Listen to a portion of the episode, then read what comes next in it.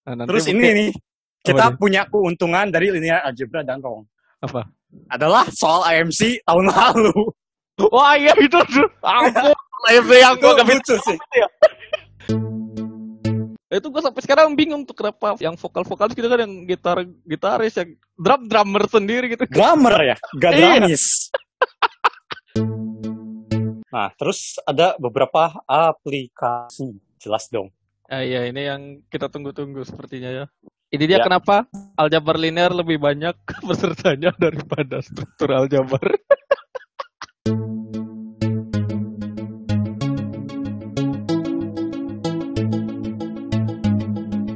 Selamat datang di podcast Bebas Linear episode ke-17 bersama saya Rizky dan partner saya Lawrence. Gimana kabarnya? Eh, di sini terasa dingin. Udah mulai musim kemarau. Di sana udah mulai musim kemarau belum? Bukannya sama sama aja harusnya dekat sih kan. Ya Nggak tahu Tapi sih kayak kemarin di sini udah kemarau, masih ada beberapa tempat yang banjir. Oh iya iya iya iya. Tapi kok gue bingung lu musim kemarau tuh kan biasanya panas ya. Kok lu malah dingin? Gue gak, gak tahu juga ya. Kan pegunungan, anginnya mantap. Oh iya iya benar benar benar. Kalau di sini iya kemarau panas bener. Eh, itu panas karena dataran rendah atau panas karena polusi ya? Panas karena dataran rendah sama polusi sih kayaknya dua-duanya deh. Oke. Kita update dulu ya. Apa ya? Ini yang lagi dirame rame di Twitter lagi nih. Tapi mungkin seming karena ini seminggu apa sih seminggu sebelumnya recording jadi mungkin tidak terlalu relevan kali ya. nih Ya, ada apa? Ah, nih, nih gue mau diskusi bentar aja. nih. Menurut lu, lu ini gak apa? Lu setuju nggak kalau ah, dengan adanya privilege gitu? Contoh. Contoh apa ya? Kayak misalnya kayak kalau misalnya lu, misalnya kayak lu pengen jadi pemain bola gitu, lu dengan lahir di Indonesia tuh kondisinya tidak menguntungkan gitu daripada lu misalnya lahir di Inggris gitu. Katakanlah kayak gitu. Oh, ya setuju lah. Nah.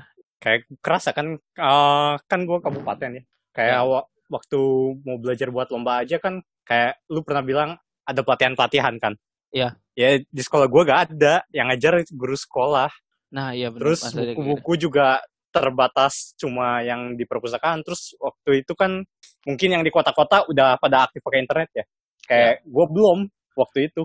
Soalnya merasa belum dibutuhkan dan mahal. Jadi apalagi ya kerasa sih berat.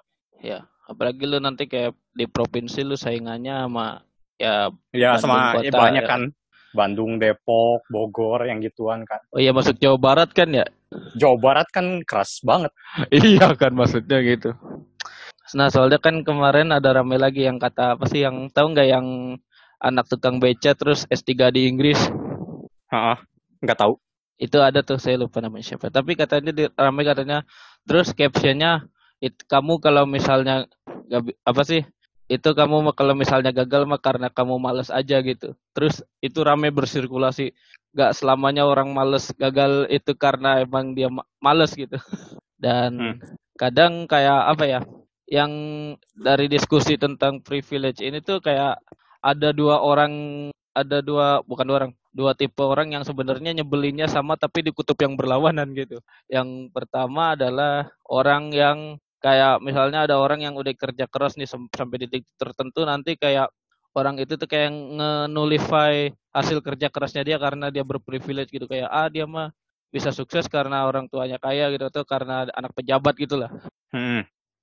Sisi satunya lagi adalah orang yang udah sukses, dia dia udah sukses gitu. Terus dia nge apa sih rendahin orang yang gak mau kerja gak apa sih orang yang gagal karena katanya kurang kerja keras aja gitu Hmm. dan Ya, ya, apa ya sebenarnya kan kayak kesuksesan itu kan sebenarnya diukurnya tuh harusnya kan dari masing-masing orang kan maksudnya Iya. orang kan punya goalnya sendiri-sendiri gitu ya Hmm. sebenarnya kalau misal kita udah mulai kayak apa ya ya kalau misalnya ada orang berhasil gitu ya, ya cukup apresiasi aja gitu gak usah gara-gara dia ini ya, ya oke mungkin emang privilege itu nyata gitu cuman nggak nggak Iya. bisa dijadiin alasan buat nge-nullify hasil kerja keras orang juga dan sebaliknya kalau misalnya orang gagal pun bukan belum tentu salah dia juga gitu Iya. ya maksudnya kayak kita harus mulai apa ya sebenarnya kayak fokus ke tujuan masing-masing gitu lah. Tapi ya kalau misalnya ada teman yang kesulitan ya bisa dibantu lah gitu loh. Hmm. Nah kalau menurut lu sendiri itu Hmm. kayak gimana gitu? Kalau menurut lu dalam pandangan lu gitu? ya kayak ini ya eh, ada yang bilang kalau eh, bu- kalau orang yang ngejar fame eh, ketenaran tapi dengan resikonya adalah dia kehilangan jati dirinya gitu itu bukan scholar scholar apa ya bahasa Indonesia nya Scholar tuh cendekiawan. ya cendekiawan ya itu saya tahunya dari websitenya Terence Tao gitu jadi Oh. dia quote sesuatu kayak kayaknya gue pernah nunjukin deh ke lu Iya yang yang di ya, ya slide itu kan episode 5 bukan eh bukan ya? bukan bukan di Oh slide bukan bukan. PPT yang something itu lah Oh iya yang ya tahu tahu tahu. yang tahu, minggu kemarin Ya, tahu, tahu. ya, Ya itu itu internal sih. Kecuali kalau ya mau itu minta internal lah bisa kita kasih sih ya bisa kita kasih. Gampang bisa diatur. Dan ya, ya ya kayak gitu kan kayak sekarang nih matematikawan sukses gitu siapa Hmm. ya kita bilang bolehlah Terence tahu gitu berapa Iya. banyak sih yang tahu sebenarnya kan Cuma, Iya. ka- mungkin emang lebih banyak dibanding uh, kita tahu matematikawan lain gitu ya tapi kan sebenarnya di Matem sendiri kalau sukses di Mateng pun gas terkenal itu juga toh iya Kayak- paling ya terkenalnya di Paling li- di lingkungan itu sesama- iya. gitu. di sesama matematikawan gitu atau yang entusias matematik gitu kan. Iya, di luar itu ya orang nggak tahu gitu kan karena bukan bukan artis gitu kan. Kayak misal kok artis di TV sering muncul gitu kan. Walaupun misal bukan dari Indonesia, internasional gitu kan. Sekarang kalau misalnya matematikawan, mungkin yang di Amerika pernah muncul beberapa kali di TV Amerika gitu. Tapi untuk nyampe luar negeri kan nggak ada ininya gitu kan. Kayak kenapa kita harus peduli gitu kan. Iya iya iya. Nah iya kayak gitu. Jadi ya sukses beda-beda lah tiap orang. Mungkin ada orang sukses gak terkenal ya suksesnya bukan dari kekayaannya, bukan dari keterkenalannya gitu kan, tapi dia mencapai sesuatu yang lain gitu kan. Nah, iya. Dan ya jangan Nah, iya, lupa jadi- juga ya, ya gimana gimana. Jadi gimana? Ya jadi parameter sukses tuh gak ada yang bener-bener fix ya. Jadi tergantung lagi beda beda orang beda lagi. Dia suksesnya apa gitu. Ya benar-benar. Ya jangan lupa juga kalau misalnya orang dengan privilege tuh ujiannya lebih biasanya ujiannya lebih berat gitu kan. Ya, Kayak misalnya lu tinggal di negara maju yang edukasinya mumpuni ya soalnya lebih susah gitu kan. ya, ya ada plus minusnya lah. Ada fasilitas lebih, tapi kalau misalnya nggak bisa ngikutin, ya lebih kebantai gitu kan. Ya, iya. Tapi sebaliknya kalau misalnya apa kita kemampuannya lebih apa tapi tinggalnya di ya gimana ya negara yang kurang gitu ya akhirnya kita jadi bosen juga gitu kan. Ya. Ya, sebenarnya bisa bisa bisa aja gitu kayak misalnya pemain Indonesia gitu ada yang main di Liga Inggris gitu katakanlah bisa bisa aja kan Ya bisa-bisa aja. ya maksudnya nggak ada yang ngelarang lu untuk bermimpi gitu sebenarnya Hmm. kan intinya nggak nggak ada yang melarang untuk bermimpi cuman kayak kayak kalau misalnya kalau misalnya nggak berhasil ya nggak apa-apa gitu kita ambil pelajarannya gitu kan Iya. dan ya Ya kayak kayak gini apa pernah dibil eh, ya pernah lihat diskusinya karena ada orang yang lempar di grup di Twitter kayak gini lah. Misal kakeknya SD, kakeknya tamatan SD. mm, pasti pengen anaknya lebih bagus kan. Iya. Nah, anaknya tamatan SMA.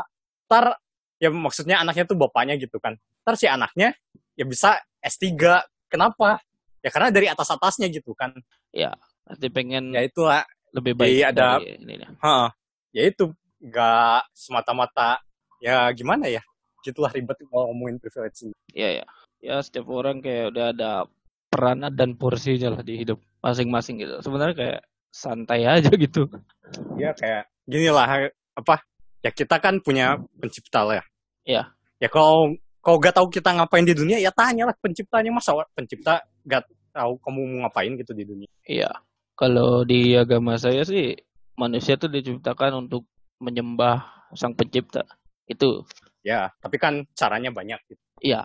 Dan ya melakukan apa pengabdian melakukan bekerja sesuai porsinya masing-masing ya itu salah satu bagian dari beribadah juga.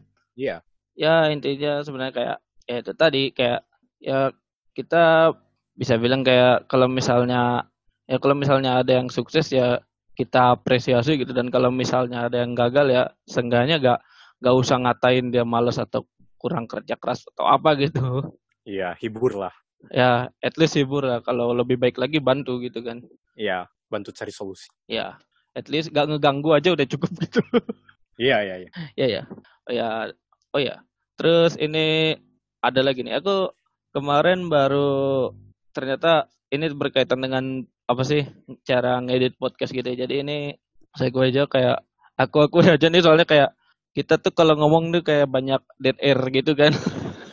R, oh iya. Ah, ya kayak dead air entah delay dari aplikasinya. Ini kita pakai zoom sih ingat btw terus kita ngedit audio nambahin bumper sound dan lain-lain. Itu di Audacity biasanya ya. Hmm. ya sek- sekarang di Auda masih di Audacity. Belum belum ke yang pro pro saya nggak kurang bisa ya. Saya bikin mash up lagu juga di situ dan ternyata saya baru nemu satu fitur yang menarik ini. Jadi kan tadi kan karena masalah ada masalah dead air gitu suka ada dead air berapa detik gitu.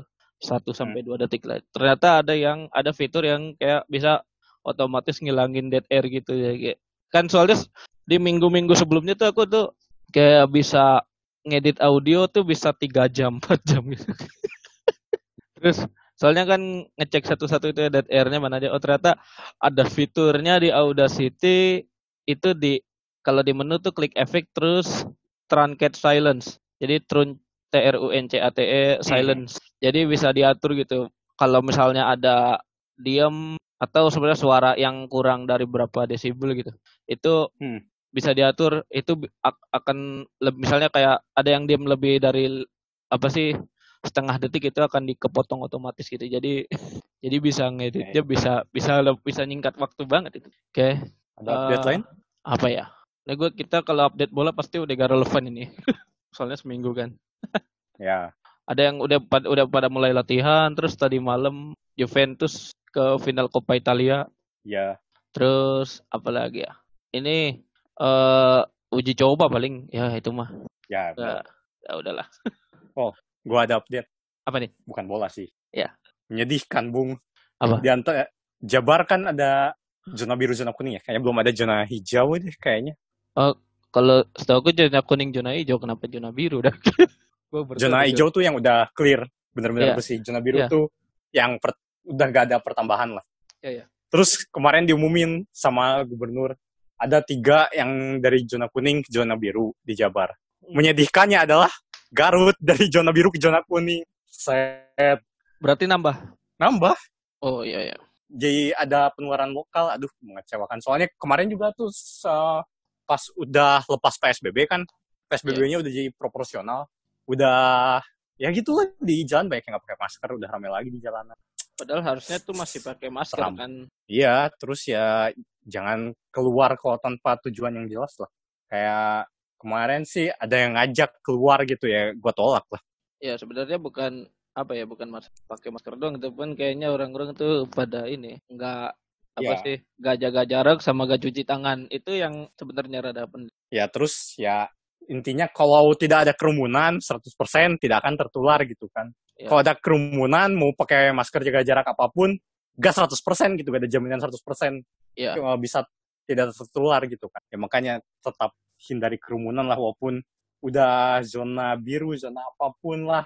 Selama belum nol, belum kasusnya belum bersih, terus ya abis bersih pun tunggulah berapa lama, ya barulah uh, aktivitas lagi, tetapi tetap aja pakai masker jaga jarak dan lain sebagainya. Iya, iya. Gue kemarin baru ini soalnya apa perpanjang SIM kan Oh iya iya. iya. di ya di sam mana gitu. Terus rame pak, benar-benar. Wah, Tapi desek-desekan. Nggak desek-desekan sih, cuman kayak eh, apa ya duduk tapi duduknya kan nunggu antrian ya antri nunggunya duduk gitu terus duduknya dipisah tapi kalau kata aku misahnya masih kurang jauh jauhan sih kayak apa ya kayak ujian kalkulus lah Oh iya. ya kan Iya iya. kayak ya itu itu masih kurang jauh terus masih ada yang nongkrong di warung dekat warung kopinya Nah, Gua- iya kayak gitu-gitu tuh. Iya kan. Gue pokoknya kayak datang ke sono habis itu berpanjang habis itu pulang gak mau ke mana-mana lagi. Maksudnya kayak ya gak mau nyari- pulang. Iya maksudnya langsung pulang gitu gak mau nyari bahaya juga kan. Cuman ya yang masalah nih ini kan sebenarnya nih gue agak dilema juga ya. Hmm. Gue di tempat dua tuh udah mulai jumatan lagi tuh. Oh, sama-sama. Nah, sebenarnya bukan masalah gua dilema mau gak ikut apa enggak, cuman nih gua dilemanya adalah kalau misalnya gua gak ikut nih yakin gua gak ikut gara-gara gua menghindari ketularan apa emang gua gara-gara males aja gitu. Ngerti nggak sih? Maksud? Oh, ya ya. Ya. Itu itu tuh dilema moral tersendiri gitu, bukan masalah. Soalnya kan udah gak udah gak PSBB juga udah udah longgar gitu. Baratnya Iya, benar. Jadi ketika soalnya kan kemarin pas selama bulan puasa tuh tutup ya gua gak bisa ke mana-mana Hmm. terus gak buka juga kan gak gak bisa jadi seenggaknya masih ada alasan lah gua, gua jumatannya di rumah gitu tapi kalau misalnya udah buka kan nih gua gak yakin juga nih gua apakah gua gak jumatan gara-gara menghindari corona apa emang gua males aja gitu kan itu kan Ya ya. iya itu makanya Ya, Untung gereja yang gua masih tutup sih sampai akhir bulan. oh masih belum Masih ya Streaming. Ya. Iya, iya, iya. Itu dia mungkin ya sebenarnya itu kalau urusan ibadah sih sebenarnya kembali ke masing-masing gitu ya. Ya, kok gereja Cuman- susah sih? Ya, cuman cuman ya maksudnya kalaupun emang memutuskan buat ibadah gitu tetap ada protokol kesehatan aja gitu maksudnya datang Nah, pakai itu. masker gitu paling. Gua Kalau gereja susahnya itu. nggak ya kan lu harus Karena gini, kan, iya kan. di gereja uh, ada nyanyi kan. Iya nyanyi. Kalau kita nyanyi pakai masker itu gimana? Ya nyanyi tetap tetap nyanyi tapi gak kedengeran gitu. Gak gak bisa nah ya. itulah itulah susahnya. Nah, Makanya Nah, kalau- belum buka juga. ah ya ya. Kalau gue paling pas khotbah tuh pakai masker gitu kan. Paling Ya itu bisa. pas ya maksudnya kayak gitu kan ya udah kayak aja update sekian aja nih nih kita update lama juga nih padahal kayak padahal nih bahasan hari ini bakal panjang ini mantap Gak apa-apa. apa nanti kalau panjang kayaknya kita potong dua part aja kayak Jadi. bisa jadi oke kita langsung ke bahasan utama nah kita hari ini bakal bahas apa nih Kita mau bahas linear algebra dan wrong. wah kenapa Da- kenapa dan wrong Karena di Indonesia jarang-jarang ya univ yang linear algebra dan right. Jadi ada bukunya. Nah, pengarangnya Sheldon Axler. Dia nama bukunya adalah linear algebra dan right. Kenapa? Gak ada linear algebra matrix, semua pemetaan linear. Ah ya, itu jadi kita akan bahas aljabar linear. Ya. Nah, nanti Terus ini mungkin- nih, kita punya keuntungan dari linear algebra dan wrong. Apa? Adalah soal IMC tahun lalu. Wah iya itu tuh. Ampun, live yang gua gak lucu sih. Gua jawabnya gapul itu ya. Gaful, tapi kan nilai lu gede kan? Ya lumayan gede di situ.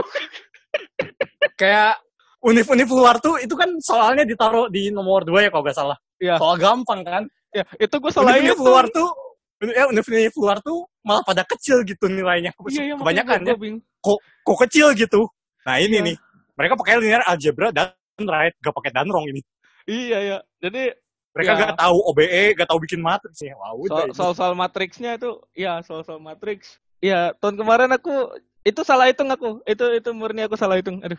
Wah, soal- sayang sih itu salah itu. Ya kalau kalau nggak salah itu mungkin bisa fair tapi ya udahlah. tapi IMC tahun kemarin tuh impresif. Itu kata kayaknya paling impresif soalnya Indonesia tuh tiga emas. Tapi ya, soalnya beruntung sekali ya tahun lalu. Cocok banget gitu sama soal-soal kita gitu. Iya makanya. Biasanya tahun-tahun sebelumnya tuh gak secocok itu gitu. Ya kayaknya tahun- tahun-tahun sebelumnya tuh lebih ke materi graduate buat anak sini gitu. Ya, Sang, rada advance lah. iya. Tapi, wah tahun lalu tuh bahagia banget. Iya iya iya. Oke. Jadi ya kita akan bahas tentang aljabar linear. Tadi latar belakangnya dan murong ini nanti judulnya kayaknya itu kan linear algebra dan murong soalnya ya ya ada ada salah satu buku yang lumayan bagus sih ra- rada underrated kalau di sini tuh. Ya. ya itu tadi linear algebra dan ba- bahas dari Sheldon Axler. Nah, sekarang kita bahas ke linear algebranya dulu atau aljab, aljabar linearnya dulu. Nah, ini aljabar linear ini salah satu mata kuliah pilihan di ITB gitu atau di kampus lain mungkin ada yang pilihan, ada yang wajib juga gitu. Tapi Ya, sayang sekali ya dijadikan pilihan. Padahal di univ-univ yang bagus lah ya, Hmm. kayak struktur aljabar, aljabar linear, ah ya analisis real, analisis kompleks tuh wajib gitu. Tapi Ya. sayang kita cuma milih kan aljabar linear atau struktural aljabar. Ya bisa sih ngambil dua-duanya. Cuma tidak sebanyak itu orang yang ngambil dua-duanya gitu. Ya, jadi ini pasti di di matematika, di kuliah matematika tuh pasti ada lah yang kuliah aljabar linear kayak gini. Ya, tapi paling elementer lah ya. Ya, atau bahkan teknik teknik ada juga kan aljabarnya. Teknik ada, cuma beda nama mata kuliah. Nah, ini kita bahas nih. Kalau di eh, ITB ya, di ITB eh, aljabar linear ini ada ada dua nih. Yang pertama sekarang kan tiga bahkan. yang satu Oh iya ya. ya sekarang tiga. Yang pertama yang wajib ini ada aljabar linear yang wajib namanya aljabar linear elementer. Ya. Nah, ini ini di tingkat kedua ketika baru ma- mahasiswa baru masuk matematika Mm-mm. eh, ini bahas bahasanya adalah itu tadi yang tadi sempat disinggung adalah operasi baris elementer. Ya. Ini kataku sebenarnya operasi baris elementer kayak kalau dikenalin ke mas ke S anak SMA atau 11 atau 12 mungkin masih bisa kali ya. Gue pernah belajar pas SMA OBE. Iya ya. Atau aku itu kalau aku guru, belum. gurunya lagi ngiseng gurunya lagi ngiseng banget gitu seriusan. Oh itu bagus tuh. Tapi gak dijadiin materi ujian gitu apa ulangan. Enggak, enggak. Tapi itu bagus itu seenggaknya ngasih wawasan baru gitu kayak kan kalau di SMA kan kita tahunya apa sih sistem persamaan linear kan yang sampai tiga variabel gitu ya. Iya. eliminasi bla substitusi atau Ya. paling canggih pakai apa sih Kramers ya Tapi jarang sih ya SMA kayak keren. ya ya jarang Eh terus ternyata ada yang bisa yang yang empat variabel ke atas bisa diselesaikan dengan operasi baris elementer ini Iya. nah ini operasi baris elementer coba kalian cari aja gitu kalau bisa sekalian coba-coba pelajari lah itu sangat berguna itu sebenarnya kayak di mana-mana kepake gitu Iya, makanya kita bisa MC nomor 2 kan. Uh, iya terima kasih OBE. mantap nggak maksudnya di kayak di teknik itu OBE itu pasti ada gitu Pasti itu. di teknik di apalagi sih yang matematikanya pakai matrix itu pasti belajar nih OBE nih operasi baris elementer lalu Ya. ada tentang ruang vektor dan subruang ada rank dan nulitas Hmm. eh, determinan nilai eigen ruang hasil kali dalam diagonalisasi eh, transformasi linear nah ini apa saja itu tadi nanti kita akan bahas lah Yap, eh, satu persatu Hmm. Terus Dan- di Ale ini, ya kita nyingkatnya Ale ya, aljabar Iya. linear elementer. Banyak kan ngitung ya. ya ya Tapi soal ujiannya pasti nyelip lah, ada pembuktian. Ya ada yang soal ujiannya ada yang pembuktian gitu Ya. nah terus tadi kan aljabar linear elementer ya ini saya Ya. ini terus ada yang aljabar linear biasa gitu Ya. Nah ini yang ngambil Kiki, saya gak ngambil. ah ya ya ini lebih ke abstraksinya jadi kan kalau aljabar linear elementer kan itu tadi banyak kan menghitung ya nah ini kita akan da- cari tahu di, dari mana itu teorema-teoremanya atau rumus-rumusnya itu didapat Hmm. Nah, di yang tadi, ya ini kuliah pilihan gitu yang antara dua itu kan anal, apa sih aljabar linear sama struktur aljabar. Ya. Nah waktu Nah, itu kenapa aku, saya tidak mengambil? Karena itulah kayak ngulang Ale sih. iya iya iya. Karena apa? Pas saya belajar Ale, udah belajar bukti-buktinya sendiri gitu. Oh Jadi, iya, iya. aduh, ini ngu- ngulang sih. Ya udahlah, nggak ngambil aja. Iya, iya. Kalau waktu itu aku ngambil dua-duanya sih. Iya, waktu itu kebetulan lagi dibuka dua tuh aljabar linear sama struktur aljabar. ya. Pertama kali berubah ya. Biasanya Ya. kan uh, satu semester cuma aljabar linear aja atau struktur aljabar aja. Waktu itu lagi percobaan buka dua-duanya. Iya. Terus yang ngambil dua-duanya bareng cuma saya. Iya. itu tapi kayak kelasnya bagai bumi dan langit ya itu ya. Jelas. yang aljabar linear itu rame banget tuh sampai makan satu kelas gede itu seratusan ada mahasiswanya. Mungkin ya. Yang struktur aljabar les privat. Yoi. Halo ibu, ini kami lagi, kami lagi. mantap. Tapi ibunya tuh masih semangat ngajar gitu mantap.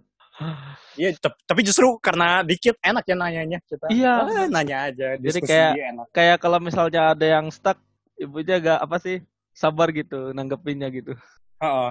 justru pas di akhir-akhir kita malah melebihi materinya gitu kan. Karena materinya Iya. udah habis. Ah, kelas dikit. Mau nggak bahas ini? Oh ya, boleh aja. Oh ya, udah. Iya iya iya bahas yang nggak ada di silabusnya ya. Iya. Mantap. ya itu tadi. dan kalau menurut aku kalau misal waktu itu yang struktur aljabar kan udah dibahas ya di episode 11 ya. Ya. Itu sedikit sneak peeknya dan ya menurut aku kalau waktu itu ngambil struktur aljabar dan aljabar linear bersamaan, saya tuh jadi ngerti beberapa hal di aljabar linear gara-gara struktur aljabarnya itu sendiri. Oh iya, iya. Soalnya aljabar linear kan cuma di lapangan ya kan. Iya, ada lapangan, ada ruang vektor kan gitu kan. Uh, tapi kan kalau di struktur aljabar pelan-pelan kan dari grup dulu, baru ring dulu, baru lapangan. Iya, kayak gitu. Nah, terus tadi yang aljabar linear kedua ada. Terus yang terakhir ada ini yang paling baru nih aljabar linear numerik ya.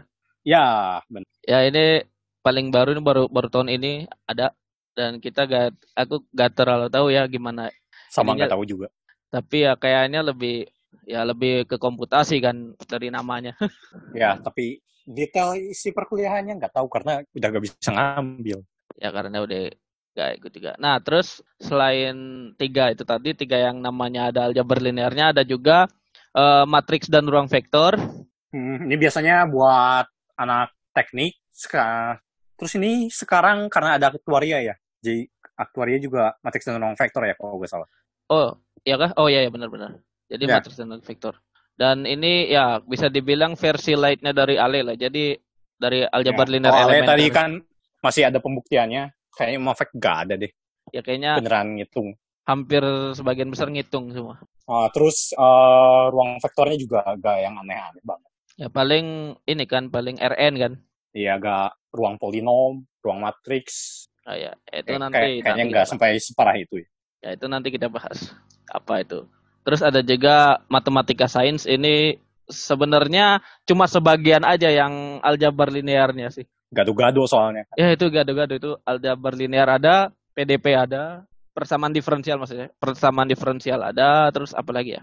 Kalkulus pubah banyak, Ah ya, kalkulus poba banyak ada itu itu buat kimia, mahasiswa kimia. kimia. Tadi matriks ruang vektor buat apa? Teknik Nah, Ya, terus ada juga nih yang di S2-nya ada eh, ana aljabar 1 dan analisis metrik. hmm, nih. Kayak eh, selain ITB belum pernah nemu nih yang bu- ada analisis matriks. A- Aljabar tadi kan ada aljabar 1, aljabar 1 itu lebih ke aljabar linear cuman lebih lebih abstrak aja sih. Terus analisis matriks ini matkul S2 wajib ya di S2 Ya. ITB itu itu ya benar murni membahas matriks sih. Jadi kayak dekomposisi dekomposisinya gitu matriks Hermitian kalau kalian cari cari aja tuh matriks Hermitian matriks apa ya uniter Matriks Hermit ya matriks Hermit Kalian nyarinya di gua mana? Hah? Ya, kita nyarinya di gua mana ya? Kan Gua- bertapa matriksnya. Iya, aduh aku gak dapet lagi. Parah Hermit. Oh, ya tahu tahu tahu tahu tahu tahu. ya, ya, saya tahu arahnya ke mana cuman cuman cuman nggak nonton kan saya nggak nggak tak nggak Ah, terlalu ngikutin. Oke, oke. Ya gak apa-apa gak apa-apa. Sans. Mungkin ada yang lu tahu lagi tentang kuliah aljabar linear ini secara umum. Ya, yang paling beda analisis matriks sih. Soalnya bukan, ya kan tadi dekomposisi, terus norm matriks bahas kan. Iya ya, normatrix juga ya bener Rick. Terus spektral radius kan. Ja, apa? Paling besar sih nilai eigennya tuh berapa nilai mutlaknya dari Ah, ya. satu matriks. Nah, ya, ini kalau kalau udah Ya. mulai pusing nggak apa-apa santai aja. Santai saja, jangan Oke. didengarkan. Eh, jangan nggak jangan nggak jangan didengarkan juga dong. Dengarkan tapi jangan terlalu dipikirkan. Iya iya iya, maksudnya gini. Eh ini disclaimer aja. Mungkin ini bahasanya kita akan sedikit teknis ya. Ya. Jadi ya emang agak berat dan kalau misalnya ya tadi kalau misalnya pusing ya take it with a grain of salt aja lah. Ya, anggap ini sebagai pengetahuan untuk memperluas pengetahuan Anda. Ya ya. ya. Ya, Terus, terus Sebenarnya masih banyak ya eh, materi-materi aljabar linear ini. Jadi mungkin dibahas tapi jarang diperdalam kayak minor cofaktor yang kayak gitu. Iya iya ya, tuh. Itu gue Terus ada- ya ada apa? Eh, Grassmannian. Oh, Jadi tuh, punya ruang Grass- vektor dimensinya sekian, kita kan punya sub ruangnya dimensinya lebih kecil, dikumpulin lagi tuh yang subdimensinya segitu. Nah, itu kan Grassmannian. Iya iya. Ya, sebenarnya bahasanya luas bentuk Jordan dibelajar ya aljabar linear. Aljabar linear kayaknya nggak sampai bentuk. Saya nggak salah ingat ya. Oh, enggak ya? Nggak nyampe waktu itu. Oh, oke. Ya, gitulah Mas. Sebenarnya bahasanya luas sih. Iya ya. Dan kita sebenarnya berusaha juga sih pengen menyampaikannya dengan gaya sekasual mungkin gitu lah. Ya. Kayak gaya tongkrongan tapi tetap tetap nggak mengurangi esensinya gitu. Ya. Oke, jadi ya kalau misalnya ada pertanyaan silakan ditanyakan di Twitter aja @bebas Ya. linear itu. Pasti dijawab kok. Ya, soalnya ya nggak ada yang nanya juga sih selama ini ya sejauh ini. Ya, makanya tanya-tanya aja. Pasti dijawab. Ya, oke. Kita akan mulai bahas aljabar linearnya ya. Ya. Jadi segalanya dimulai dari suatu benda yang namanya vektor. Ya. Kalau kalian di fisika pernah belajar vektor, Hmm. eh, di fisika tuh vektor didefinisikan sebagai objek yang memiliki besar dan panjang kan. Hmm. Jadi kayak ada panah di R2 atau di R3 gitu. Ya. Kayak contohnya apa ya? Gaya gitu, kecepatan, percepatan, Jarak. tar jarak setahu aku enggak deh. Perpindahan kali maksudnya. Oh. Eh, perpindahan. Iya ya perpindahan. Nah di kalau bisa kalian ingat eh, materi vektor itu kan kita bisa melakukan penjumlahan dua buah vektor, pengurangan antar vektor yakni kayak menjumlahkan misalnya ada a dan b gitu vektor a vektor b ya kita bisa mengurangkan yakni mm, menambah menambahkan a dengan minus b gitu kan Hmm. J minus B itu panjang, panjangnya sama kayak B, cuma arahnya berlawanan. ya jadi kayak panahnya arahnya dibalik lah Ah, dan kita bisa melakukan perkalian dengan skalar yakni dipanjangkan gitu atau Ya. dipendekkan Terus jangan salah, vektor ini berbeda dengan yang di Despicable Me. Iya benar. Saya tahu tuh. Cuman nggak ingat aja. Ya. Saya ingatnya cuma minion nah, doang ya. Jadi yang kecil tidak kita namakan Victor, tetap vektor. Kalau itu kan kecil Victor, gede vektor. Enggak, kita tetap aja vektor dari kecil sampai besar. Ya. Nggak ini Vek- Vector Valdes nggak nggak ya. Oh, mungkin ya. Tergantung dia main di klub mana. Tuh sempet sempet ke MU lagi ngapain coba. Nggak tahu. Terus coba jadi kiper ketiga lah. Aduh. Ya, nasib. Nah, itu kan tadi konsep umumnya tadi vektor kan adalah sesuatu yang tadi punya besar dan panjang lalu kayak bisa di bisa dijumlahkan, bisa dikurangi gitu. Lalu bisa dikalikan dengan suatu skalar atau bilangan kan ya. Ya. Nah, konsep ini lalu diperumum dengan mendefinisikan yang namanya ruang vektor. Ya, Jadi ruang vektor ini adalah eh, himpunan yang berupa grup komutatif. Nah, grup komutatif ini grup komutatif terhadap penjumlahan. Nah, ini ya struktur aljabar lagi tadi. Ya. Nah, yang disertai dengan perkalian skalar atas suatu lapangan. Nah, tadi lap- lapangan tuh struktur matematika yang pen- dengan penjumlahan dan perkalian berupa grup komutatif gitu. Perkaliannya yang tanpa nolnya.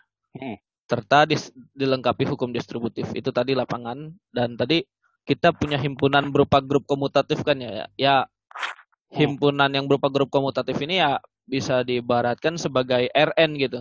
ya mirip. Jadi untuk untuk apa untuk pendengar da- untuk pendengar kali ini ya, kalau misalnya kita bicara ruang vektor ya kita bisa bicarakan uh, itu setara dengan r pangkat n gitu khususnya untuk yang Ya. dimensi hingga ini untuk yang untuk saat ini kita bakal bahas yang dimensinya hingga saja. Ya, bayanginnya aja kalau kita ngomong ruang vektor Rn gitu, kayak R2, R3 lah. Ya, ya kalau misalnya masih gak bisa rn rn apa ini kan r4 kan udah gak bisa dibayangin ya. Ya, R5 ya udah R2 atau R3 aja lah. Ya.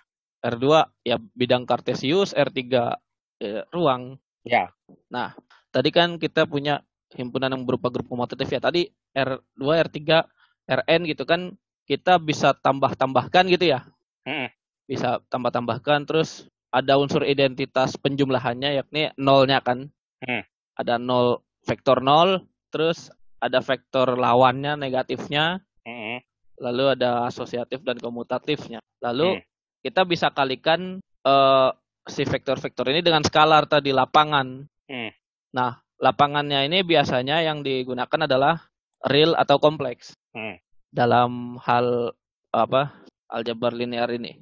Nah, sebenarnya kan ada yang ada itu 10 sifat itu ya itu pusing juga saya Ya. waktu itu ngapalin 10 sifat tapi ternyata kalau misalnya udah belajar struktur aljabar itu bisa disingkat itu. Coba paling ada yang menghubungkan benar. Menghubungkan skalar dengan vektornya aja kan kayak distributif terhadap skalar kan. Ya. Kayak kalau misalnya apa eh, alfa alfa biasa kalau skalar kita notasinya alfa gitu. Kalau alfa beta kalau misalnya vektor kita notasinya u v w gitu ya. Ya. Nah, jadi kayak misalnya alfa dikali dalam kurung U tambah V itu kan sama dengan alfa U tambah alfa V gitu. Begitu juga nanti Hmm. skalarnya distributif juga nanti kayak dalam kurung. Jadi kalau vektor V dikaliin alfa tambah beta ini akan sama aja kayak alfa kali V tambah beta kali V gitu. Ya.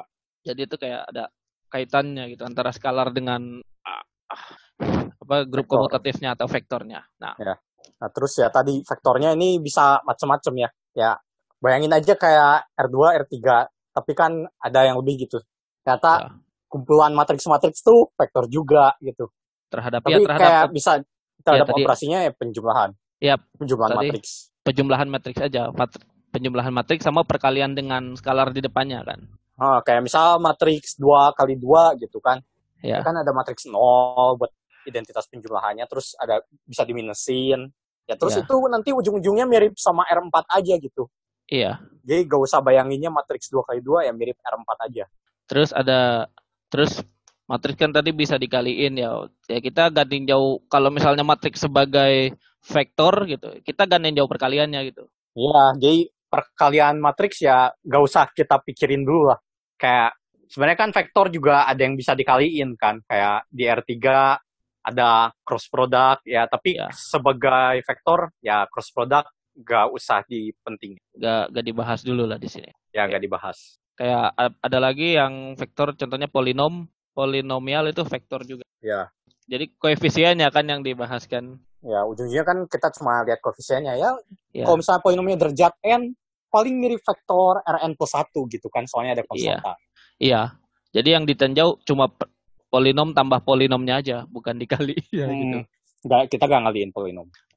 Makanya kalau misalnya ruang vektornya tadi berdimensi hingga, kita bisa ibaratkan itu sama kayak Rn Ya, karena ada apa isomorfisme lah gitu. Ya. Ada kesamaan struktur. Mm-mm. Nah. nah terus ya kayak tadi lah kita bilang, kalau ada ruang vektor, ada subruangnya ya, yang lebih kecil lah kayak dia eh, ngambil anggotanya dari ruang vektornya, terus harus memenuhi sifat-sifat ruang vektor ya, kayak gitu. Tapi gak semua gitu, bisa semua bisa enggak gitu kan subruang ini. Ya. Kayak le- lebih kecil lah. Yang penting kan gak kosong dulu yang paling pertama. Terus ya tertutup terhadap penjumlahan, perkalian skalar, dan lain-lainnya itu nyusul, ikutin aja. Nah, ya ya. Jadi ini sering keluar jadi soal di aljabar linear elementer ini. Ya, ngecek subruang atau bukan gitu kan. Ya, cek apakah ini subruang atau bukan. Dicek aja biasanya syaratnya sebenarnya syaratnya ada empat kan. Yang pertama tadi tidak kosong. Sebenarnya yang pertama tuh dia subset dulu kan. Ya, subset non kosong. Tapi biasa kalau subset tuh dari definisi tuh biasanya. Ya, Berdasarkan ya itulah definisi. nyebe, nyebe- nyebelin nyebelinnya eh, kita belajar matematika tuh kayak yang jelas gitu. Ah, ini kan jelas dari sini. Tetap aja mesti dibilang, mesti ditulisin. Kalau enggak, hilang poin. Iya, itu satu poin itu. Nulis apa? Iya. Berdasarkan Ini adalah sub- definisi. subhimpunan tidak kosong dari ini. Iya. Itu doang. Iya. Itu kalau nggak Berda- ditulis hilang poin. Berdasarkan definisi ini maka ini merupakan subhimpunan. Iya. ya, jadi ya merupakan jadi ya kalau misalnya kita punya ruang vektor ya subruangnya harus ada di di dalamnya gitu aja. Ya, Lalu yang kedua tidak kosong. Nah, tidak kosong ini biasanya dibuktiin dengan ngambil nol. Ya enggak? ya kan harus ada identitas lah penjumlahan. Ya, Nol tuh pasti harus masuk. ngambil vektor nolnya. Itu harus. Terus tertutup terhadap penjumlahan ya kalau misalnya A plus A dan B-nya ada di sub ada di subhimpunan yang kita curigai sebagai subruang itu ya maka A plus B harus ada di situ. Lalu ter- tertutup terhadap perkalian skalar kalau misalnya kita ambil sesuatu alfa gitu. Alfa di skala di lapangan yang sama dengan ruang vektor V, lalu kita kalikan dengan sembarang anggota subruangnya, kita misalnya V gitu. Ruang apa sih? V kecil eh vektornya maka kita akan dap- harus dapat alfa kali V itu ada di subhimpunan yang kita curigai sebagai subruang itu. Ya, kayak contohnya nih kalau kita di ruangan, si lantai nih, ini subruangnya gitu kan. Kalau misalnya Ya, ya. tarik garis di lantai dijumlahin, tetap ada di lantai kan. Ya, jadi kayak eh, kan kalau di ruangan tadi apa R3 ya? Ya, kan ruangan R3, terus kita ambil lantai kan kayak R2 kan. Jadi kayak X, Y, 0 gitu ya. Mm-mm. Iya kan. Jadi kan nol ada di lantai pasti tuh. Ya, nol ada di lantai pasti terus gak kosong terus pasti nol ada di R3 pasti semuanya ada Ya. di R3 juga berdasarkan definisi lalu kalau misalnya kita punya dua vektor di lantai gitu yang misalnya X1 sama Y1 terus X2 sama Y2 gitu pasti hasilnya Hmm. tuh X1 plus X2, koma Y1 plus Y2, koma 0 gitu masih di lantai juga kan karena masih nol Ya. Z-nya ya gitu tiba-tiba ke atas. Terus kalau misalnya dikali alfa gitu, alfanya di katakanlah di real lah. Ya. Berarti alfa kali x1 kom- y1 0 gitu. Alfa x1, alfa y1 masih di ini kan, masih di lantai juga kan. Alfa x1, alfa Iya. y1 0 tuh, masih di lantai itu. Ya. Di, diperbesar, gitu. diperkecil masih di lantai. Nah, itu maksudnya salah contoh salah satu subruang itu. Ya. Nah, terus ada sifat-sifat yang paling penting ya bisa dibilang Iya, buat iya. ruang vektor nih. Iya. Jadi kan ruang vektor yang kita tinjau dimensinya hingga ada yang paling penting tuh pembangun-pembangunnya gitu. Iya. Jadi pilar-pilarnya ini buat ruang vektor nih uh, disebut basis. Nah, sebelum basis itu apa, kita bahas gitaris. Oh enggak ya? Gak, gak, kita bahas drummer-drummer. Drummer-drummer. itu gue sampai sekarang bingung tuh kenapa vokal yang nyanyi vokalis, yang vokal vokalis gitu kan yang gitar gitaris, yang drum drummer sendiri gitu. Drummer ya? Gak Iya. drumis. Iya makanya gue sampai masih bingung gitu kenapa ya? Yang masalah kalau pemain gamelan, gamis. Wah. Untung bukan orang yang ngetes. Itu bahaya itu. Tester. Kalau orang yang kalau orang yang ke tester dia disuruh setahun ngerjain buku.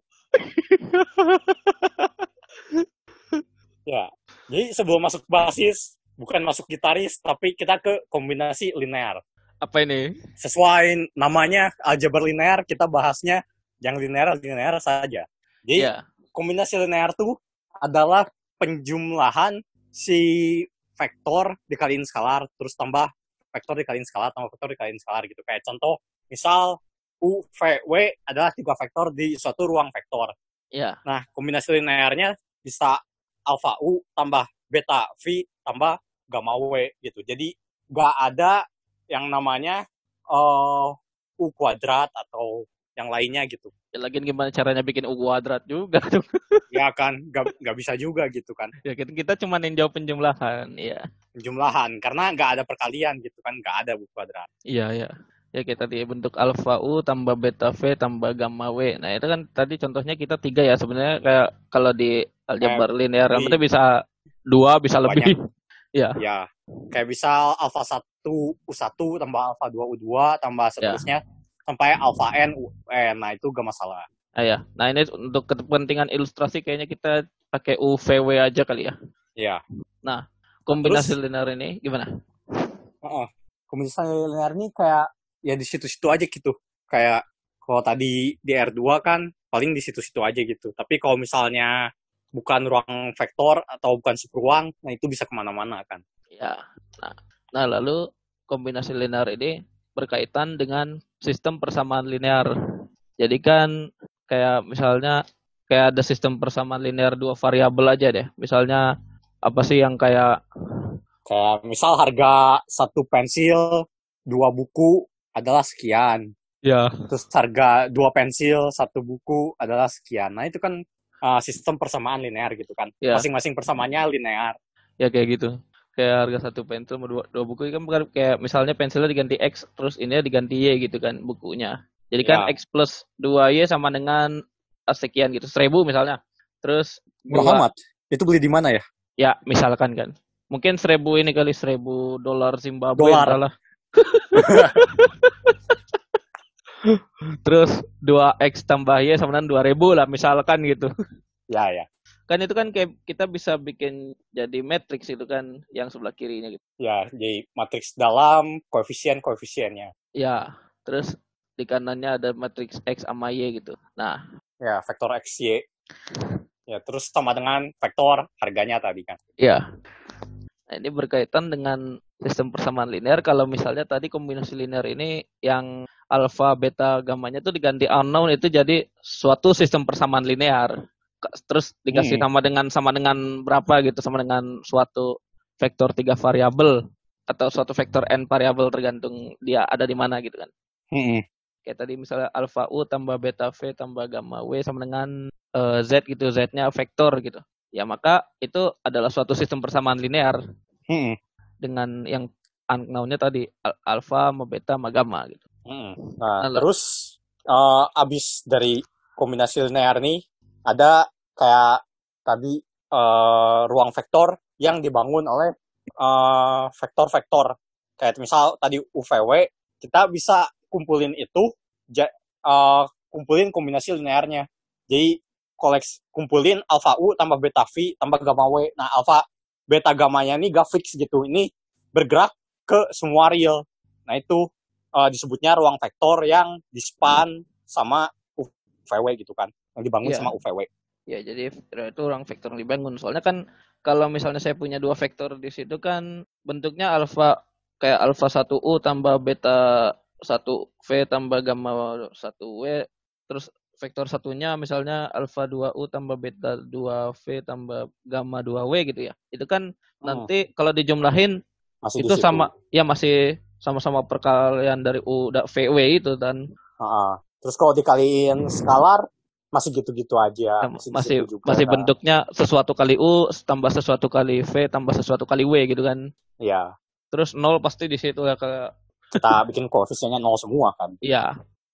Nah, itu mem- membentuk suatu ruang vektor atau sub ruang dari suatu ruang vektor yang lebih besar gitu. Iya. Nah, nah kalau misalnya kita spesifikan V-nya gitu, ruang vektor, terus kita punya vektor-vektor yang kayak UVW tadi yang mengakibatkan kayak semua vektor di V gitu. Misalnya saya punya Z di V gitu, kita bisa tulis Z sama dengan alfa U tambah beta V tambah gamma W. Hmm. Kita bisa cari sedemik sedemikian sehingga Z-nya tuh ditulis kayak gitu. I- Itu namanya U berarti U, V dan W itu membangun gitu. Jadi kayak contoh nih, contoh. Kayak misal di R2 gitu ya. Ya. Terus misal U-nya 10, V-nya 01, W-nya 00 gitu kan. Iya. Nah, itu kan membangun R2. Kenapa? Karena tiap X, X, Y di R2 kita bisa tulis sebagai X kali 10 tambah Y kali 01 tambah, nah ini cukup bebas kayak berapapun kali 00 gitu kan. Iya. Nah, itu kayak tiga vektor tadi tuh membangun R2. Kayak kalau di R3 berarti kan 100, 010 sama 001 gitu ya. Nah, ya. Itu Jadi kan tiap alfa, beta, gamma di R3 kan bisa ditulis sebagai kombinasi linear dari 100, 010, 001. nah ya kayak gitu. Nah, Tapi terus- itu gak harus selalu begitu ya. Kita jadi- bisa Ya. yang lain gitu. Cuma kita ambil contoh paling gampang. Ya, contoh paling gampang ya emang itu juga kan basis standar sih. Itu nanti kita akan bahas basis standar. Kayak satu am- satu satu sama satu min satu tuh kan membangun R2 juga nggak sih? Ya, membangun R2 juga kan. Cuma Kan cuma apa? cuma lebih susah nyari koefisiennya gitu kan. Kalau Ya, misalnya menulis alfa beta dalam kombinasi linear itu lebih susah nyarinya. dengan kalau RD R2 kan itu kan yang satu kalau tadi satu satu sama satu min satu itu kan kayak ini ya miring ke kanan atas sama miring ke kanan bawah ya. Ya, ya kan? Ya kalau misal kita Ya. punya itu ibaratnya kalau membangun tuh kayak kalau kita punya vektor di R2 gitu, kita bisa tulis sebagai kita bisa ke vektor itu dengan apa? berjalan alfa langkah ke arah kanan atas terus ke kanan bawah gitu kan. ya, Dan itu pasti bisa dilakukan gitu. Kalau alfanya diberikannya bilangan real gitu kan. ya, Jadi kayak kalau misalnya cuma boleh ngelangkah ke papan catur tapi tapi ngelangkah papan Tapi caturnya gak harus boleh- ya gak harus gak harus satu-satu gitu bisa berapa aja gitu bisa setengah langkah gitu ya, kita pasti bisa nyampe ke titik tujuan gitu kalau misalnya kayak cuma boleh miring aja gitu miring kedua arah kanan atas sama kanan bawah gitu kan ya kayak kuncung lah. iya kayak gitu Nah, Nah. terus selain membangun ada bebas linear. Ah, ya, Sesuai ini- nama podcast kita. Iya. Saya ngambil nama podcast bebas linear kan karena kita sebenarnya pengen ngomongin matematika dengan gaya bebas, tapi tetap berada di jalan lurus itu sesuai di deskripsi Ya. emang. nah jadi apa ini bebas tapi beda- ini? Beda dengan yang tadi kita bebas tapi di jalan lurus. eh, kita gak lurus-lurus amat lah di ruang vektor ini. Iya. Jadi bebas linear di ruang vektor nih uh, adalah kalau misalnya U VW terus kita tulis kombinasi linearnya sama dengan vektor 0 gitu. Jadi alfa U tambah beta V tambah gamma W sama dengan vektor 0. Nah, Ya. ini dipenuhinya cuma kalau alfa sama dengan beta sama dengan gamma sama dengan 0. Ya, jadi nah, kalau cuma misalnya ya, solusi Ya. trivial aja ya. solusi trivial, kalau misalnya minimal salah satu dari mereka nggak 0, nah itu namanya nggak bebas linear. Nah, ya, ya. Ya, kayak yang tadi yang 10 01 yang ada 00 di situ kan. Ya, Itu kan yang katanya boleh berapa aja, boleh 0, boleh 1, boleh setengah gitu kan. Yang 00-nya koefisien 00-nya gitu kan. ya. Nah, makanya yang tadi nggak bebas linear, yang 10, 01 sama 00 di R2. Ya. Nah, biasanya adalah Terus jadi ya jadi apa nih? jadi apakah basis berhubungan dengan ini? Ya, jelas. itu jawaban paling menyebalkan ya kalau di kalau lagi meriksa soalnya. Ya, saya suka ke satu kalau meriksa jawaban kuis atau PR, jelas bahwa jelas dari mana? Ya, ya, jadi ya basis berhubungan dengan ini karena memang definisinya dari situ kan. Ya, Jadi basis apa? Basis dari suatu ruang vektor adalah kumpulan vektor-vektor di vektor tersebut yang bersifat bebas linear dan membangun. Nah, kan kalau tadi diperhatikan kan kalau misalnya itu 10, 01 sama 00 itu kan membangun ya, tap- tapi gak bebas linear gitu kan. hmm, Nah, ini ada fakta bahwa kalau misalnya vektor yang membangun, kalau misalnya saya punya himpunan vektor yang membangun suatu ruang vektor sama himpunan vektor yang bebas linear, itu pasti yang yang vektor yang bebas linearnya lebih kecil daripada banyaknya lebih kecil daripada yang membangun. Hmm. Dan kalau misalnya kita punya vektor yang membangun, kita bisa reduksi sehingga itu jadi basis gitu. ya Dan kalau misalnya kurang-kurangi lah buang-buang satu dua biar lebih dikit lebih dikit kan udah cukup gitu.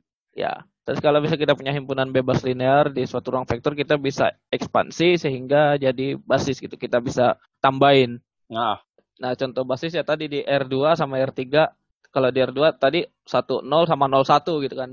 ya bisa satu satu sama satu min satu itu Nah, juga itu bisa. juga basis. Kalau di R3 tadi 100 010 sama 001 gitu. Contohnya. Ya, Sebenarnya Ya. ada ada banyak lagi tuh. ya. Cuma yang bentuknya gitu, yang cuma satu, sisanya nol, satunya tuh di posisi kesekian. Nah itu disebutnya basis standar. Ya, standar. Nah, yang menarik adalah kalau misalnya kita punya ruang vektor, terus kita punya basis, nah itu kita kita definisikan dimensi sebagai kardinalitas dari basis tadi. Ya, Jadi R2 dimensinya 2, dua. R3 dimensinya 3 gitu. Dan Ya, Rn dimensinya n. Ya. Dan kalau misalnya kayak kita punya dua basis di apa suatu ruang vektor, maka di maka dimensinya akan sama gitu. Banyaknya basis itu akan pasti sama gitu, gak mungkin beda gitu. ya benar. Nah lalu ini salah satu teorema yang lumayan penting juga di aljabar linear ini. Jadi setiap ruang vektor berdimensi hingga punya basis. Ya. Ini Nah, di diturunkan dimensi dari ya. taya hingga juga ada basis tapi orang infinitis tuh kayak kurang percaya gitu ah masa sih ini membangun gitu? Mau punya Eh, sebanyak apa pun. Jadi ada kalau yang ini kan yang berdimensi hingga kan kita bisa pakai zone lemma gitu kan. Ya itu dari lemma Zorn namanya. kalau yang basis di dimensi tak hingga namanya basis Hamel. Basis Ham- Hamel. Hamel ya, ya tahu tahu. ya Hamel. Ya, jadi karena kita bisa karena kita di sini kita bahas yang hingga-hingga aja jadi ya itu kita pakai yang lemma Zorn aja. ya nah terus seperti tadi dibilang linear algebra tuh ada done right dan ada done wrong Iya, Dan right ini adalah gak punya matriks gitu. iya. Yang kita lihat adalah pemetaan linear dari suatu ruang vektor ke ruang vektor lain gitu kan atas lapangan yang sama. Ya. Nah ini bahasan kalau bukunya Sheldon Axler. Jadi judulnya benar-benar linear algebra dan right. Tidak akan kalian menemukan namanya matriks, sistem persamaan linear, pokoknya semua pemetaan linear. Ya. Itu tuh baru nyampe bab 10 tuh baru nyampe matriks tuh. bab terakhir. Bab terakhir itu juga dikit banget Iya, baru sedikit-dikit bahas matriks. terlaluan. Nah, jadi pemetaan linear nih sesuai namanya linear ya. Jadi kalau matriks kan bisa kelihatan linearnya. Jadi kalau pemetaan linear tuh harus memenuhi ini. Kalau misalnya pemetaan linearnya dari ruang vektor V ke ruang vektor W. Oh iya ya. Nah, ini sebelumnya ruang terus pemetaan itu hmm. ini ya, pemetaan ini uh, fungsi ya kalau bahasa lainnya. ya. Kita udah sering bahas banget kan itu. Ya. Bisa didengarkan episode-episode sebelumnya. Ya, tapi ya kita recall aja. Ini pemetaan di sini fungsi ya, maksudnya. Pemetaan tuh fungsi. Ya, jadi dia petain ruang vektor V ke ruang vektor W gitu. Terus kalau misalnya uh, U, V, V kecil di ruang vektor V besar, pemetaan linear tuh kalau memenuhi, kalau dia metain jumlah jadi T dari U tambah V sama aja kayak hasil pemetaannya dijumlahin jadi kayak TU tambah TV kayak gitu. Di T dari U plus V adalah TU tambah TV. Dan kalau dikaliin skalar juga gitu. T uh, dari alfa kali U sama dengan alfa kali TU kayak gitu. Ya, jadi ini mengawetkan operasi gitu. Ya, mengawetkan yang linear-linear aja. Ya, mengawetkan operasi yang linear. Nah, ini uh kalian kalau yang masih SMA pernah masih familiar dengan contoh ini lah. Ini contohnya adalah rotasi. Ya. Rotasi dan uh, dilatasi gitu. Nah, kenapa perlu linear algebra dan right? Kenapa? Karena menguntungkan kalau kita ekspansi ke yang ruang vektor tak hingga gitu. Nah, yang belajarnya di analisis fungsional. Ya, yeah, yeah. kan itu belajar uh, fungsional linear gitu kan. Metainnya bukan ke ruang vektor yang kayak gimana-gimana. Ruang vektor R sendiri kan ruang vektor gitu kan. Iya. Nah, fungsional linear tuh kayak gitu metain uh, ruang vektor atas R ke R. Tapi pemetaannya yang linear dan si ruang vektornya tuh dimensinya tak hingga. Nah, itu kan kalau mau ditulis dalam matriks, siapa yang bisa nulis matriks tak hingga kan? Gak bisa yeah. kan? Makanya kita cuma tulisnya dalam pemetaan linear gitu. Nah, itu keuntungannya dan right. Ya. Tapi ada kerugiannya enggak? Ya, kerugiannya kalau dimensinya berhingga. Kayak kita lebih susah. Kayak misal nyari nilai eigen. Yang gitu-gitu lah. Nanti kita bahas nilai eigen apa, determinan apa. Ya, ya kayak sense pemetaan linear sendiri. Kayak kalau misalnya dihubungin ke matrix, nanti kita punya counternya gini. Kenapa pemetaan linear itu akan sama aja dengan matrix gitu? Iya. Tadi ya tadi contohnya rotasi dan dilatasi ya dilatasi maksudnya perbesaran atau pengecilan gitu. Misalnya kayak vektor misalnya saya punya vektor apa dilatasinya misalnya dua kali besarnya gitu lah. TX sama dengan 2X gitu lah. Hmm. Kan kalau misalnya saya punya vektor X plus ya gitu kan nanti jadi kayak di dilatasi dua kali jadi dua kali dalam kurung X plus ya gitu kan. Kan jadi ah. 2X plus 2Y gitu ya. Ya sama aja kan. Jadi kayak ya jadi kayak TX tambah TY kan tadi TX-nya 2X. Nah, sama aja kayak kalau misalnya saya punya 10X gitu, dikali 2 jadi 20X kan. Hmm. Sama aja kayak 10 kali 2X. 10 kali hasil pemetaannya kayak gitu. Itu contoh dari pemetaan linear gitu. Hmm. Nah, sekarang kita bahas yang dan wrong. Dan yang pakai matriks. ya. Jadi ujung-ujungnya kok pemetaan linearnya dari ruang vektor yang hingga gitu kalau misalnya tadi dari V ke W, ya V-nya ini V besar. Jadi V-nya ini dimensinya M, W-nya ini dimensinya N. Ntar kita bisa bikin matriks ukurannya M kali N buat si pemetaan linear T tadi. Ya, dan ingat tadi kalau misalnya kita punya ruang vektor, ya lu anggap aja itu Rn kan? Iya.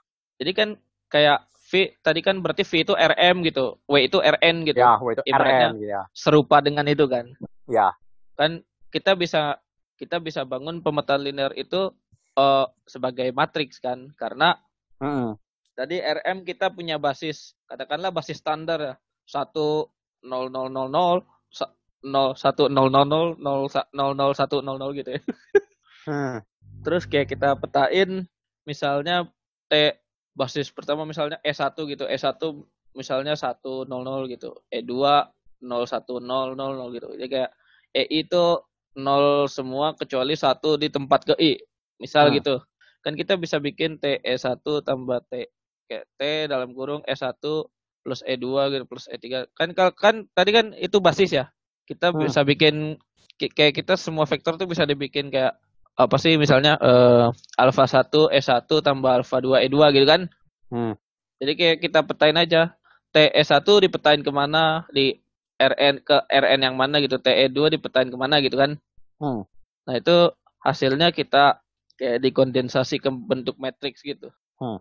Tadi kayak jadi kan tadi T alfa 1 E1 tambah alfa 2 E2 bla bla bla sama dengan alfa 1 T E1 tambah alfa 2 T E2 tambah bla bla bla bla gitu. Ya. Nah, itu kan nanti bisa ditulis dalam bentuk matriks yang M kali N eh Mm-mm. M kali N apa N kali M ya? Eh Em, kalian eh M kali N. Eh N kali M gak sih?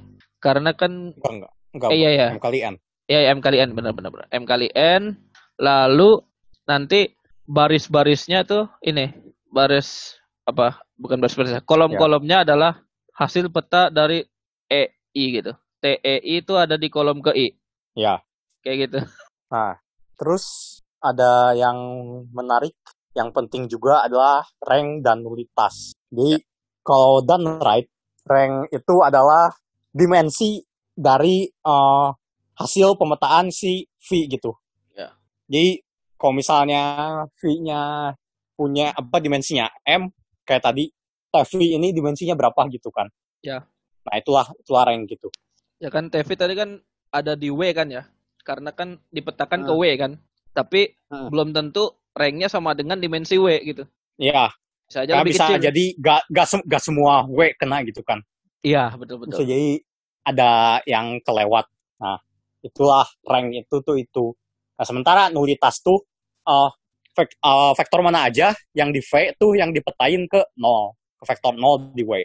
Nah, nulitas tuh dimensi itu, Dimensi itu dimensi Ah. ruang 0 namanya, Nah ya, ruang nol itu tadi sub ruangnya V kan. subruangnya V. Nah, itu bisa dibuktikan. Itu biasa latihan ale lah itu. Ya, kalau rank tambah nulitas hasilnya dimensi V-nya bukan W-nya. ya, itu teorema. Hmm. Rank dari T tambah nulitas dari T sama dengan dimensi dari V. V, ya. Sekarang kalau done wrong, rank tuh apa? Nulitas tuh apa? Nah itu dia. Apa nih? Nah, kalau done wrong, kita kan lihatnya udah gak, gak perlu transformasi linear, matriks langsung kan. Ya, begitu. Pokoknya transformasi linear sama dengan matriks dah gitu aja. Nah, kalau di matriks ini kan ada baris, ada kolom. ya, Nanti bisa dibuktikan kalau dimensi ruang kolom tuh sama dengan dimensi ruang baris gitu. Jadi dimensi ruang baris tuh berapa banyak baris yang bebas linear. Kalau dimensi ruang kolom di buku Ale ya, definisinya adalah kalau kita udah OBE terus bentuk ke bentuk reduksinya, bentuk eselon reduksinya berapa banyak bukaan satu gitu kan. bukan bukan empat kali. Bukan. Kirain mau hamil bukan empat. mau ngelahirin itu ya. itu beda. ya Ya, ya. gitu lah. Soalnya kalau diterjemahin di Indonesia gitu kan, bukaan. Ya ya makanya. Satu bukaan. Ya, gitu lah. Ya makanya itu itu. Tapi intinya kayak ruang baris sama ruang ruang kolom tuh ruang kolom tuh ruang Dimensinya sama. Ya ya. Jadi ruang kolom itu adalah eh, ruang vektor yang di apa namanya? Kan kita punya matriks nih. Kan kolom-kolomnya tuh Hmm. vektor ya. Jadi ruang matriks eh ruang ruang matriks. Ruang vektor yang dibangun oleh vektor-vektor di kolomnya. Ruang kolom Ya. itu. Kalau ruang baris ve- vektor-vektor barisnya. Ya. Yang tadi Kalau si itu ruang tadi. kolom sama ruang baris itu bisa beda kan jelas. Kalau mis Iya. kalau barisnya satu kali n, kolomnya m kali satu kan beda ukuran gitu kan. Iya. Tapi dimensinya pasti sama. Jadi yang sama tuh bukan ruang kolom sama ruang barisnya, tapi dimensi dari ruang kolom dan ruang barisnya itu sama. Ya.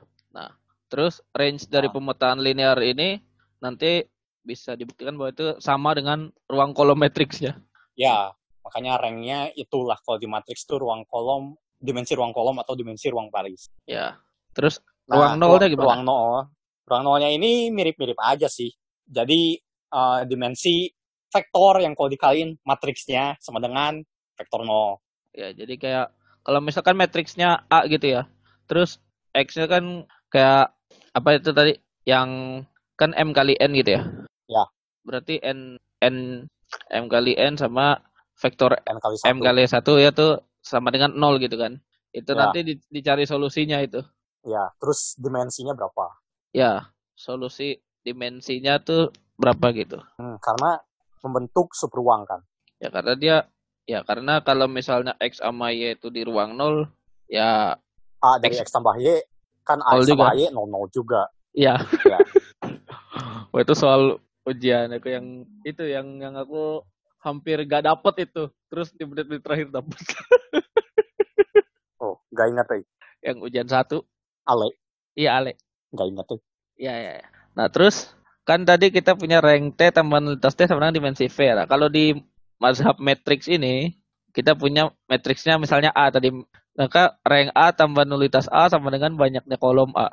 Ya. Nah, terus ada properti menarik lainnya adalah determinan.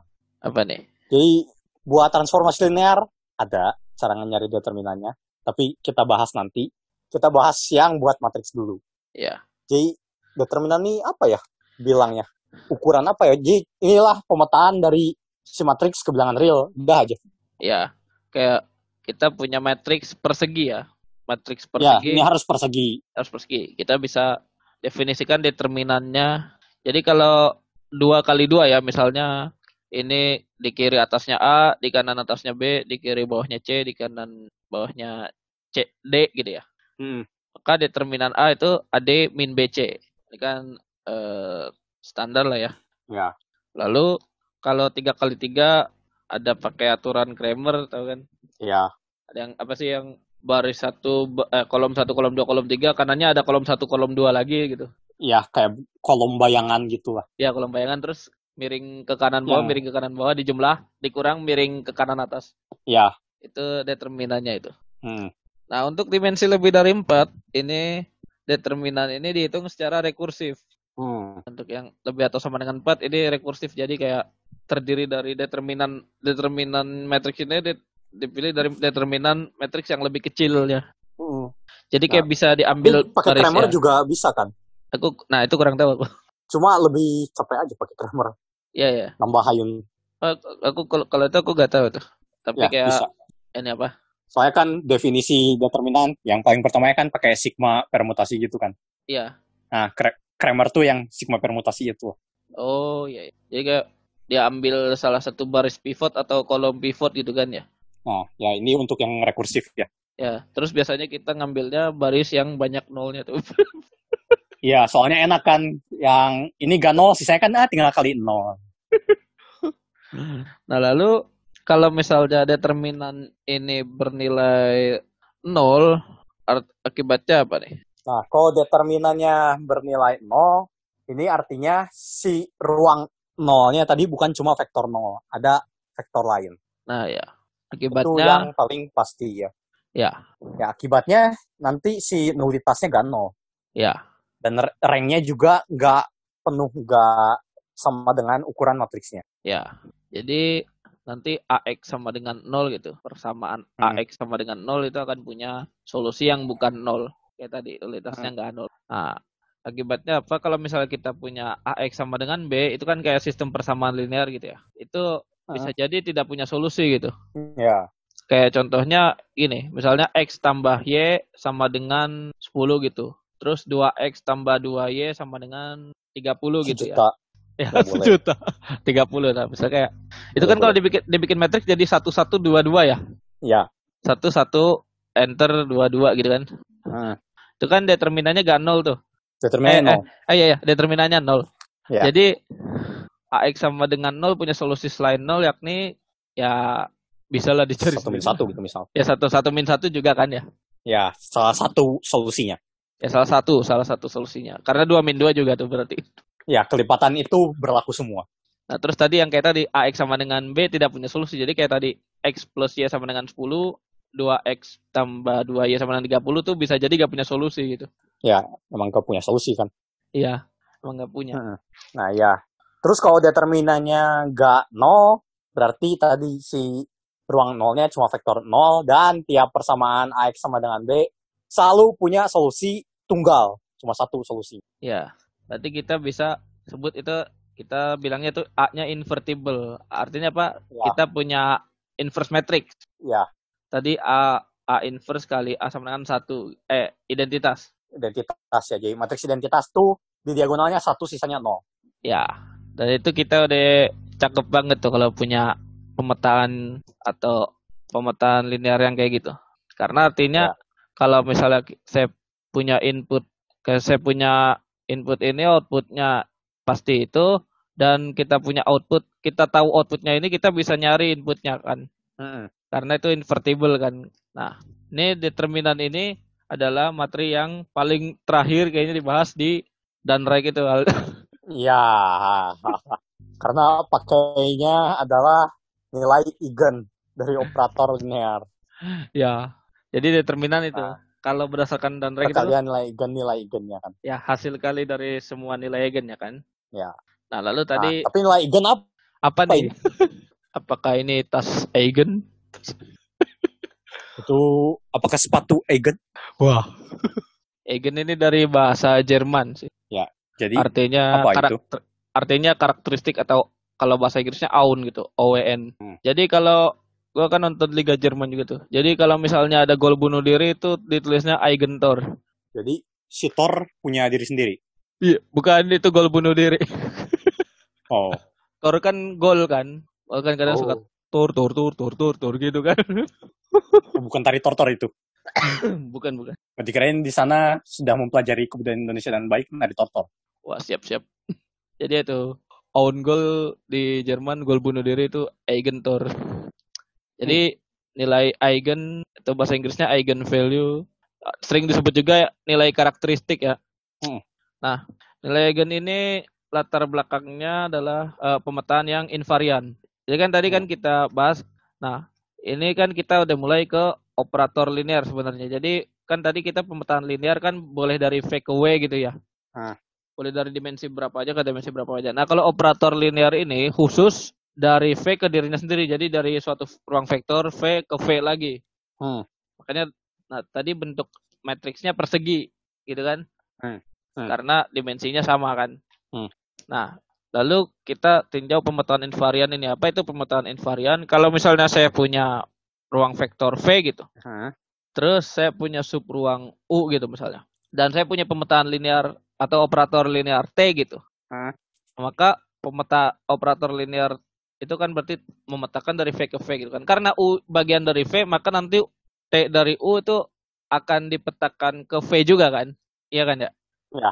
Nah, kalau misalnya kita tinjau gini, apakah pemetaan dari U gitu, dari elemen-elemen di U akan selalu ada di U gitu? Hah? Nah, kalau ya. misalnya ya, bisa juga enggak kan? Ya. Nah, jika iya, maka U ini kita katakan invarian terhadap T gitu. Hmm. Contohnya yang invarian apa ya?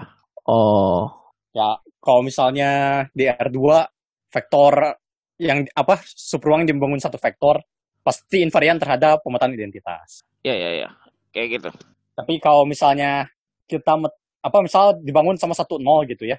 Terus si pemetaannya tuh ngubah satu nol jadi nol satu. Nah, itu gak invarian kan karena udah di luar si yang dibangun oleh satu nol. Ya kayak misalnya rotasi ya. Kalau rotasi gak gak invarian Ya, benar. karena bisa karena oh, apa? Si eh garisnya diubah jadi garis lain kan. ya Kalau di di R2. garis yang apa sumbu x ya. Ya sumbu x itu Ya, misal sumbu diubah X gitu. jadi sumbu y kan kalau dirotasi kan. Ya, itu itu, itu kan gak ya gak invarian. ya itu gak Kalau yang invarian tuh ada garis di sumbu X, tetap di sumbu X, jadi X. bisa jadi dirinya sendiri, bisa jadi diperpanjang atau diperpendek kayak gitu. Jadi kayak dilatasi itu invarian itu. Apa sih? Ya. Sumbu X invarian terhadap dilatasi. Ya. Karena tetap di situ-situ aja. Oke. Nah, tadi kan kita meninjau pemetaan invariannya. Nah, sekarang kita tinjau per- persamaan eh, V-nya ini V kecil ya. TV sama dengan lambda V. Untuk suatu lambda spes- spesifik itu. Skalar. Lambdanya ini skalar. Ya. Nah, jika ada eh, V yang tak nol yang memenuhi persamaan tersebut, maka lambda disebut nilai eigen dan V vektor eigen. gitu. Ya. Lalu ruang eigen itu adalah ruang vektor yang dibangun oleh vektor eigen dan merupakan salah satu contoh subruang invarian. Mm-mm. Nah, kalau done wrong, Ya. tadi kan done right tuh TV sama dengan lambda V. Iya. Kalau done wrong, A, A-nya matriks kali V sama dengan lambda kali V. Terus lambda kali V kan lambda kali identitas kali V. Iya kan? Iya, Nah, terus kita pindah ruasin gitu, bisa jadi tulis jadi A dikurang lambda I, itu dalam kurung, dikaliin vektor V sama dengan vektor 0. iya, Nah, jadi kalau V-nya bukan, pengen V-nya kan gak vektor 0 ya, karena tadi iya, vektor eigen gak boleh vektor 0. iya, Berarti harus si A min lambda I-nya nih punya ruang nol yang gak trivial. Ya, karena matriksnya persegi, berarti determinannya harus nol. Ya. Nah, jadi Nah. cara nyari nilai eigen buat matriks tuh, cari lambda sehingga determinan A kurang lambda I sama dengan nol. Lalu dari situ diperoleh yang namanya polinomial karakteristik ya. Ya, Jadi itu polinomialnya dalam lambda kan sebenarnya kan. Mm-mm. Kan kan Ya, ntar kan paling lambda pangkat n tambah berapa ah, lambda pangkat n min satu tambah sekian sama dengan nol kan. iya ya, n-nya dimensi matriksnya kan. Iya, ukuran matriksnya. Nah, lalu kan tadi kita punya nilai eigen lambda ya. Mm-mm. Kita bisa cari vektor eigen yang berkaitan dengan lambda yang tadi kita udah misalnya katakan tadi kita nyari nilai eigen dengan determinan A min lambda I sama dengan nol kan ya? Ya. Misalnya udah dapet nih lambda 1, lambda 2 sampai lambda n lah. Nah, kita cari di masing-masing lambda itu kita cari A min lambda lambda I gitu. Cari Hmm. ruang nolnya. Ya. alias cari solusi dari A min lambda I dalam eh, X sama dengan 0 gitu. Hmm. Nah, nanti kita dapat vektor-vektor basis pembangun ruang 0 itu kita dapat vek- yang disebut dengan vektor eigen tadi. Mm-mm. Yang enggak nolnya ya. Nah, terus satu nilai eigen nih bisa punya lebih dari satu vektor eigen kan. Iya, betul. Nah, jadi nanti ada namanya multiplisitas aljabar, yaitu kalau tadi si polinomnya kita tulis J lambda kurang lambda 1, terus lambda kurang lambda 2 kali seterusnya sampai lambda kurang lambda n. Misalnya lambda 1 sama lambda 2 sama gitu kan. Hmm. Nah, berarti multiplisitas aljabar dari lambda 1 itu 2. Nah, terus multiplisitas geometri itu ya berapa banyak vektor eigen dari si lambda 1 tadi yang bebas linear gitu. Karena bisa cuma satu, bisa dua. Jadi multiplisitas geometri itu paling besar adalah sebanyak multiplisitas aljabar. Bisa lebih kecil tapi tidak bisa lebih besar. Nah, lalu kalau misalnya vektor-vektor eigen tadi setelah dikumpulkan banyaknya sama dengan dimensi V, tadi kita kumpulin dari lambda 1 dapat berapa, lambda 2 dapat berapa, ternyata kita dapat tepat n buah gitu. Artinya multiplitas geometrinya untuk setiap nilai eigen itu sama dengan multiplitas aljabarnya kan. Ya. Nah, kalau misalnya kita kumpulin vektor-vektor eigennya ini sama dengan banyaknya dimensi V gitu, yang saling bebas linear ya, yang antar ininya ya. Jangan satu dua nanti dikumpulin dua empat itu biar sama gitu enggak Ya, enggak, enggak.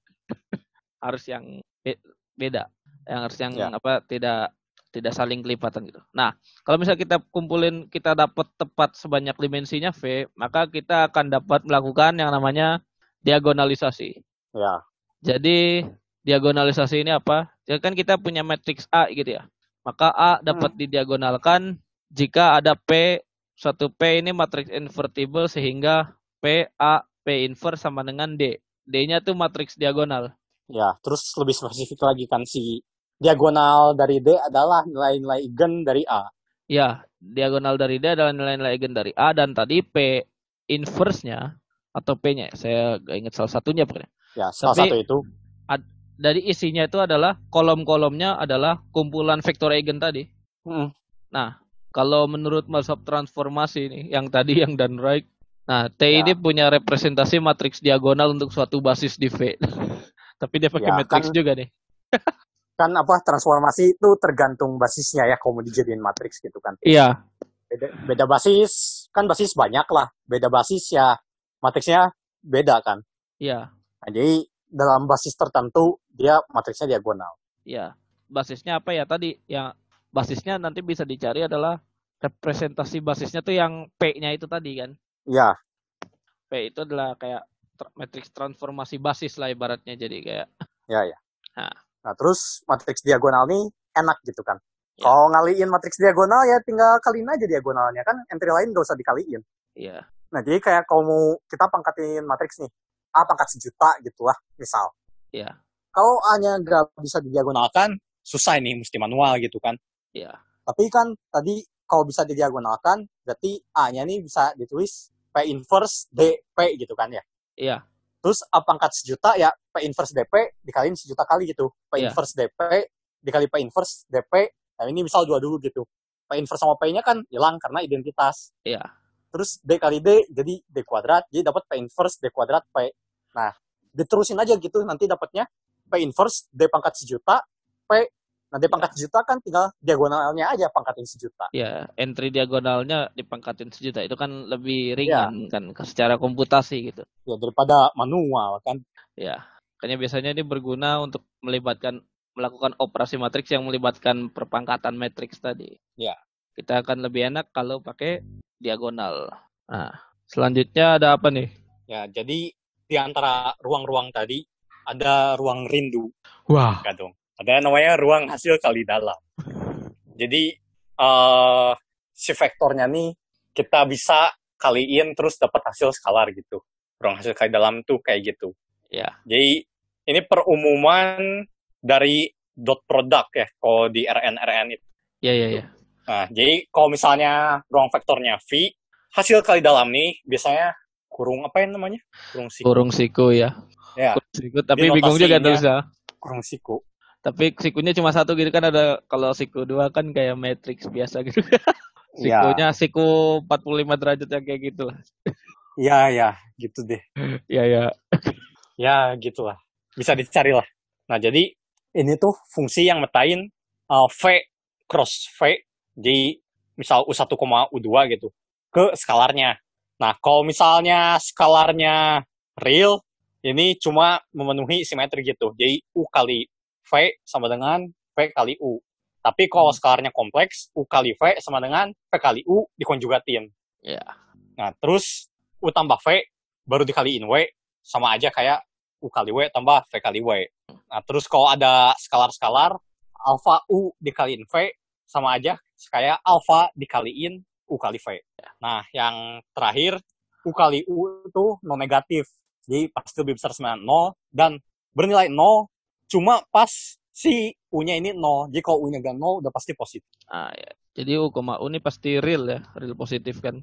Iya, walaupun pemetaannya kompleks, tapi hasilnya U, U kali U tuh ke real. Nah, ya. Itu tuh kayak, ya kan tadi perumuman dari dot product di Euclidean biasa kan, kayak dot product kan kayak misalnya di R3 tuh U1, apa sih, uh, U1, 2, U3 sama V1, V2, V3 itu kan kayak dijumlahin dikaliin terus dijumlahin aja kan U1, V1 tambah U2, V2 tambah U3, V3 gitu. Ya. Nah, itu kalau ini lebih umum lagi karena bisa macem-macem bentuknya. Ya, ya. Nah, dari hasil kali dalam ini bisa dibangun norma atau panjang. Enggak nyanyi saya-saya. Hah? Brief to Norman maksudnya? Iya. Bagus. Kan tadi norma. ya, ya, ya. New normal new norma. Ya. oh, berarti itu panjang vektor yang baru. Ya, panjang vektor yang baru. Jadi ya, ya. kita bisa bangun norm ini ada atau panjang vektor gitu. Apa notasinya bisa ada mutlak dua kali gitu. Tahu kan? Ya, ya. mutlak dua kali dari U gitu. Sama dengan ya. akar dari U kali U. Ya. Kayak kalau misalnya saya di R3 aja kan U1, U2, U3 gitu, misalnya vektornya gitu. Ya kan kayak hmm. akar U1 kuadrat tambah U2 kuadrat tambah U3 kuadrat kan. Iya. Nah.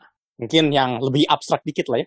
Iya, ya, apa nih contohnya? Kalau ruang vektornya ruang fungsi. Pol polinom apa? Jadi boleh deh polinom. Misal yeah. F gitu ya, polinomnya. Yeah. Nah, si hasil kali dalamnya ini F kali G itu integral dari suatu selang, misal A sampai B, f kali g ya fx kali gx dx gitu kan.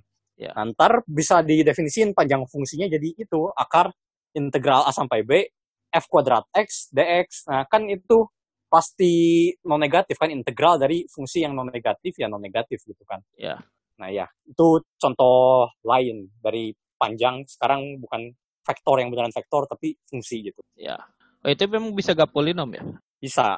Yang penting real yang yang penting apa apa continue apa apa gitu terintegralkan lah oh ya terintegralkan ya, minimal ya, ya benar-benar nah, itu tadi contoh hasil kali dalam yang tidak mainstream ya terus dari konsep apa hasil kali dalam ini bisa dibangun juga konsep ortogonal atau tegak lurus hmm.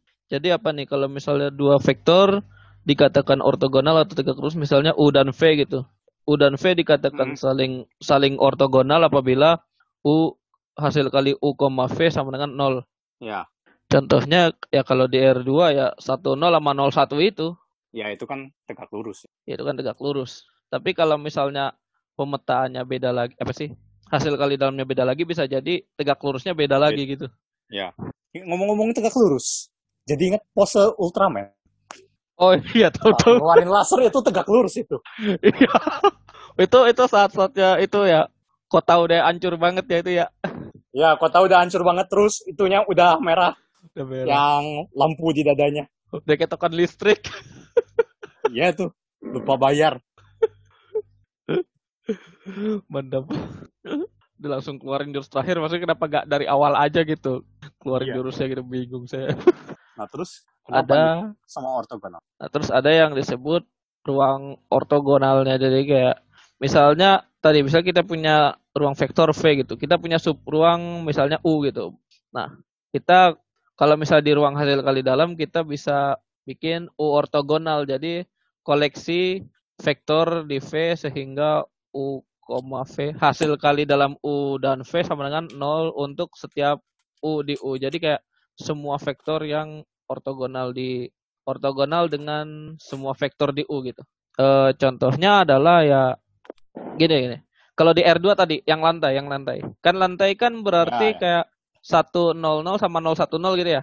Ya, Jadi kayak yang ke arah X aja sama yang ke arah Y aja dan kombinasi linear yang searah X dan searah Y itu kan yang pokoknya yang ada di lantai aja. Maka yang ortogonalnya adalah vektor yang tegak lurus ngagak ngarah ke atas.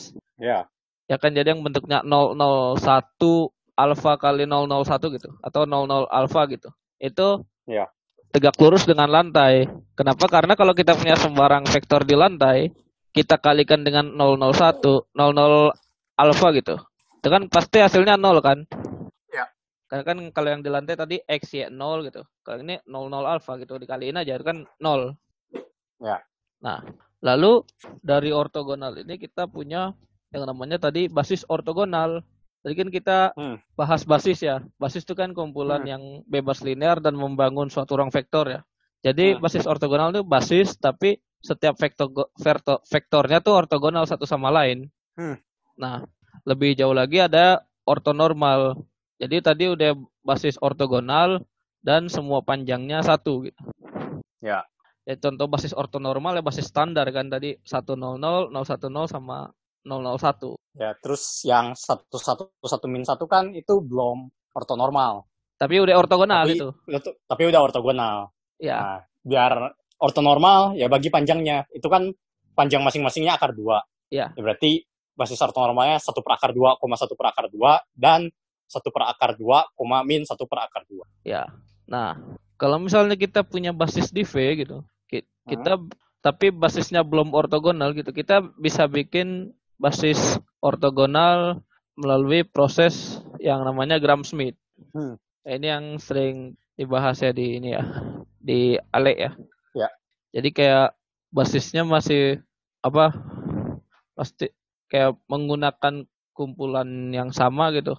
Kayak satu vektor kayaknya tetap stay tapi yang lainnya berubah tapi masih membangun ruang vektor yang sama gitu.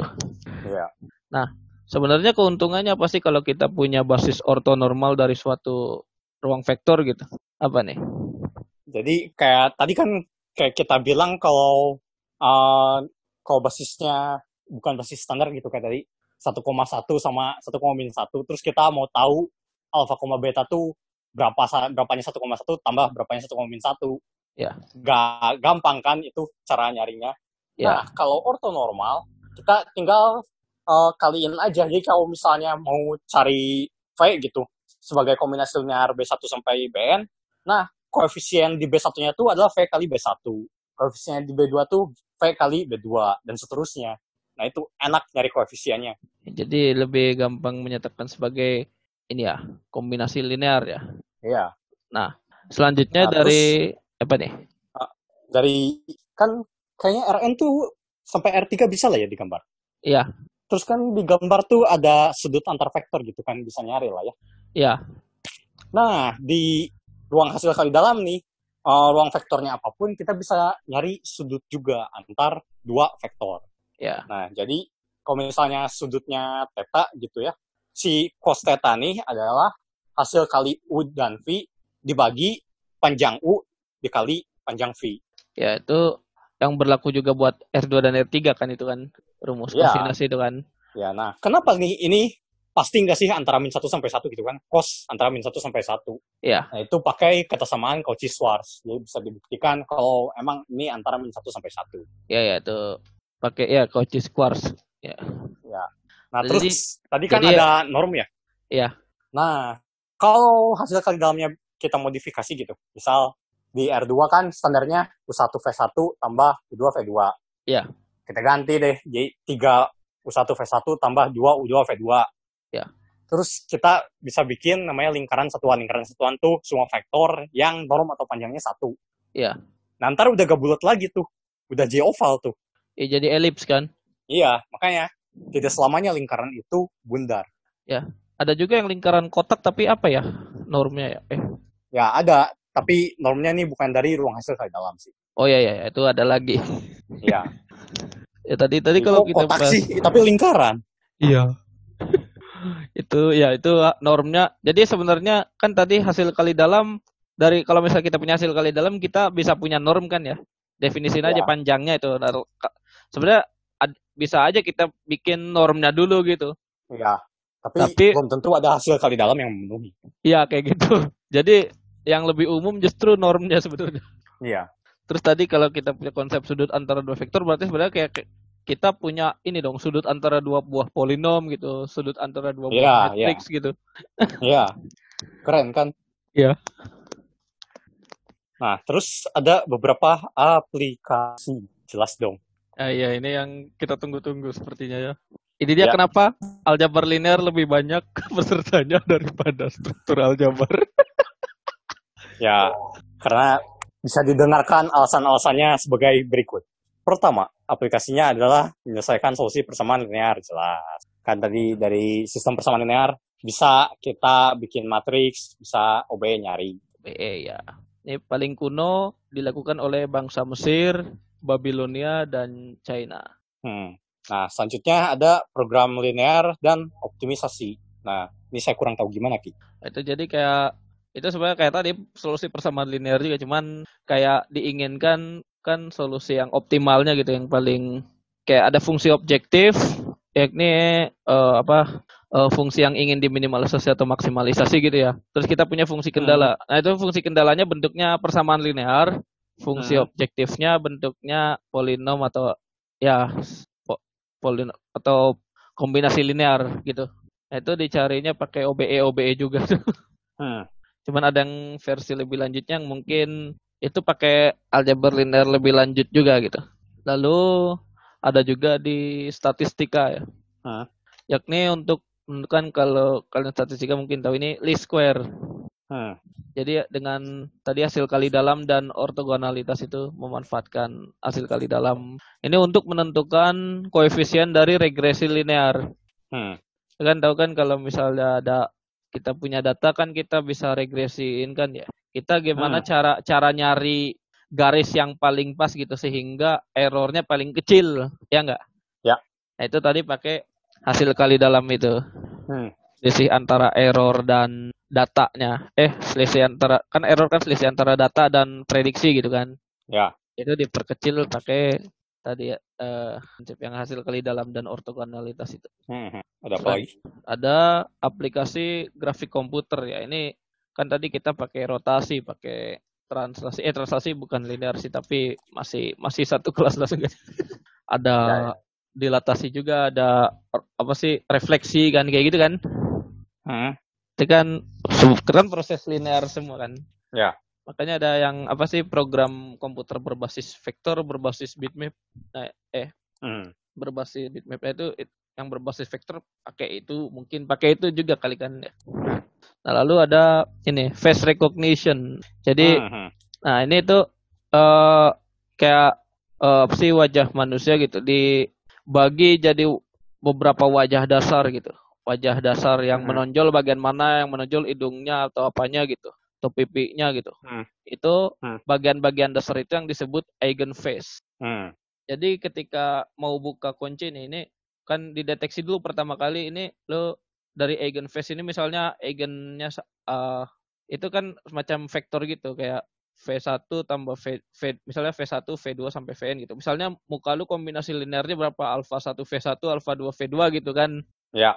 Makanya nanti face recognition tuh kayak gitu. Nanti kalau misalnya hmm. lock on lagi cocok gak gitu. Hmm. Itu ya, ya, ya. kayak gitu. Ya, terus ada di persamaan diferensial ya. Ya. Jadi ada nih kalau persamaan diferensial kan susah banget nyari uh, solusi eksaknya gitu, apalagi yang persamaan diferensial parsial gitu. Ya. Biasanya kita pakai numeriknya buat aproksimasi uh, persamaan eksaknya gitu, hasil eksaknya. Ya. Nah ini nanti si persamaan diferensialnya nih dibikin jadi persamaan beda, jadi lebih diskrit, terus biasanya pakai rekursif gitu kan.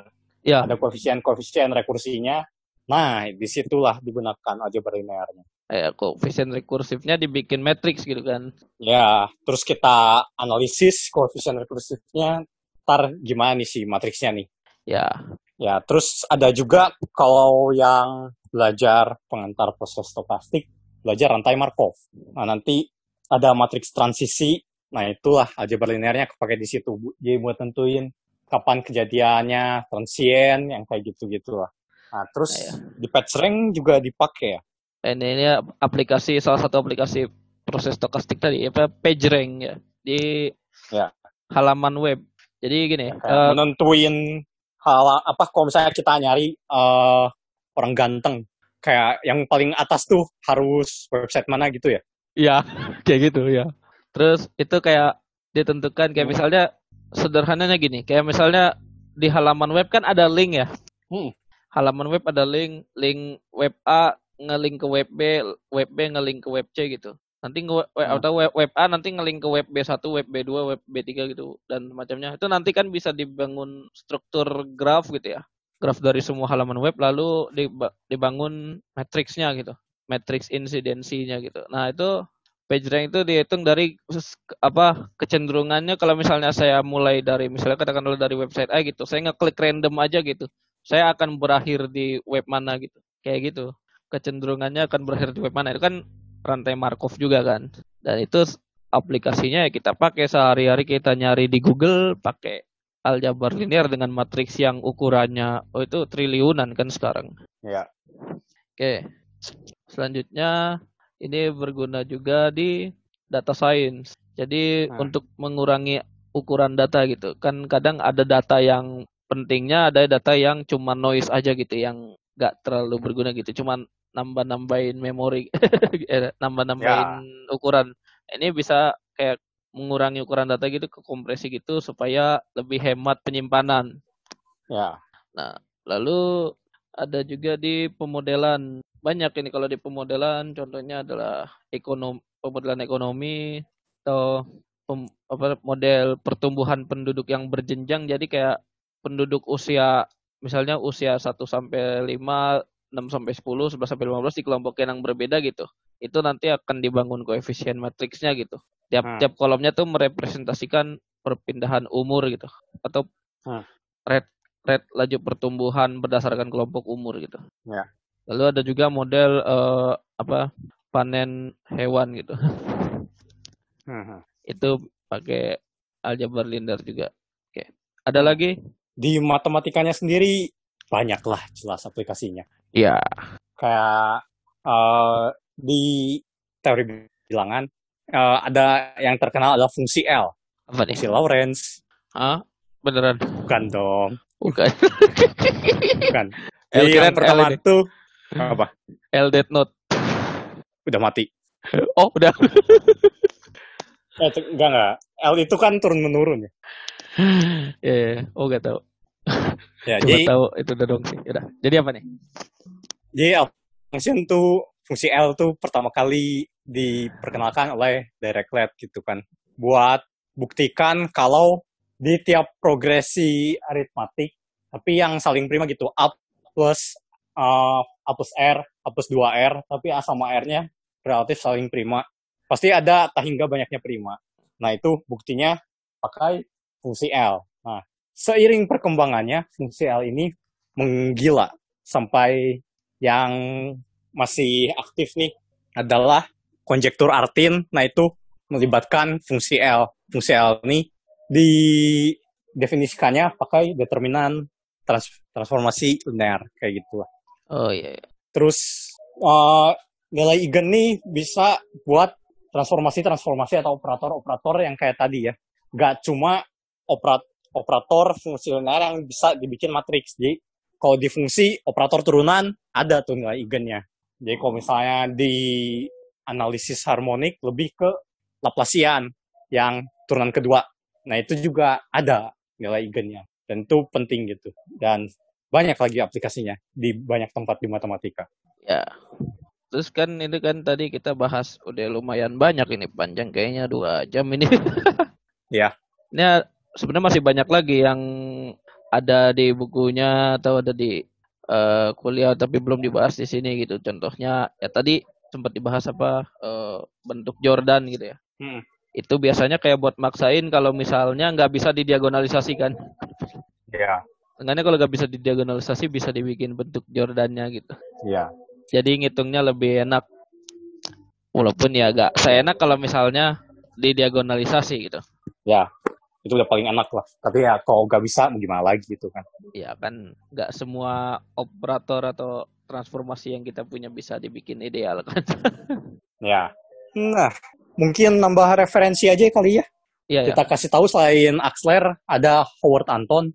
Iya, itu yang kita pakai buat algebra linear elementer ya. Ya. Ya, itu linear algebra apalah. Kalian saya aja Howard Anton linear algebra pasti muncul itu. Ya, ya tuh. Terus buku Alin pakainya apa? Friedberg. Friedberg. Ya. Ya, terus buat analisis matriks, kalau misalnya yang kepo-kepo, uh, ya kita sih pakai diktat ya, kalau di kuliah. Tapi bukunya juga ada Roger Horn Matrix Analysis. Ya, ya. Roger Horn kan Matrix Analysis. Analisis benar-benar. Itu tebel itu bukunya kayak Iya. Kayak Yellow Pages itu. Oke, Terus ya, ada tambahan oh ya, lagi. Oh ya, tips buat yang ngambil aljabar linear atau ini yang kuliah aljabar linear elementer atau aljabar linear ada gak nih? Buat yang ngambil aljabar linear elementer harus tahan kuli. Betul. Kadang-kadang saya ya. bukan orang tahan kuli juga, jadi kadang mager, kadang salah hitung, ya gitulah. Ya, dan kayak aljabar linear elementer kayak salah satu mata kuliah yang bikin kaget gitu ya kalau pertama kali pas masuk matematika gitu. Ah ya, biasanya mulai turun indeksnya karena mata kuliah ini ya tapi ya gak apa-apa gitu nikmati aja gitu maksudnya ya ya emang itu proses pembelajaran yang emang harus diambil gitu apalagi yang elementer kan. Ya ya tadi yang aljabar linear elementer harus ya emang harus tahan kulis sih sama banyak sama sedikit banyak pembuktian juga sih kan. Ya pembuktian harus ada yang inilah. Nggak semuanya deskripsi tanpa pembuktian harus ngerti juga. Iya jadi itu mungkin kayak kayaknya pertama kali aku yang lumayan proofreadingnya itu di situ sih di algebra linear elementer itu sih. Maksudnya ini mulai diuji ini proofreading aku nih kayak bisa nggak gitu? Ngejelasin bukan di pengmat? Sama ya sama pengmat bener.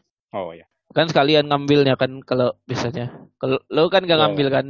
Kalau pengantar matematika ya itu pengantar matematika pertama kali ya, ya emang pertama kali diajarin proofreading itu. Oh soalnya awalnya ngiranya pengantar matematika ngapain ini? Jangan-jangan kayak top wow gitu kan? Makanya ski iya iya ya. topo topologi? Wow. Wow. Terus kalau ini aljabar linear yang biasa gimana? Uh, Alin. Ya lu yang ngambil kan? Tipsnya gimana? Oh ya saya ya. Lupa. Eh tipsnya kalau dari aku ya apa ya? Sebenarnya soal latihannya banyak yang dadak kuli juga sih kalau di Friedberg itu ya. Jadi ya oh. banyak-banyakin soal latihan aja sih sebenarnya. Sama hmm. proofreading juga ya. Belajar bukti-bukti gitu tuh juga soalnya tahu tahun aku tuh bener-bener bukti doang isinya nggak ada yang apa sih nggak ada yang kulinya gitu. Tapi kayak tahun-tahun belakangan ini tuh aljabar linear mulai ada kuli ada juga kulinya iya. Hmm, ya ya. Ya terus tergantung orang ya. Uh, kalau saya tidak belajar dari Friedberg saya belajarnya langsung dan right? Langsung Axler nah, ya? ini uh, habis dari Ale langsung Axler. Jadi ya oh ini enak buat beberapa orang tapi mungkin beberapa orang gak suka karena gak ada matriks ya tergantung orang loh. Iya. Itu dua opsi buat belajar Alin bisa Friedberg bisa Axler.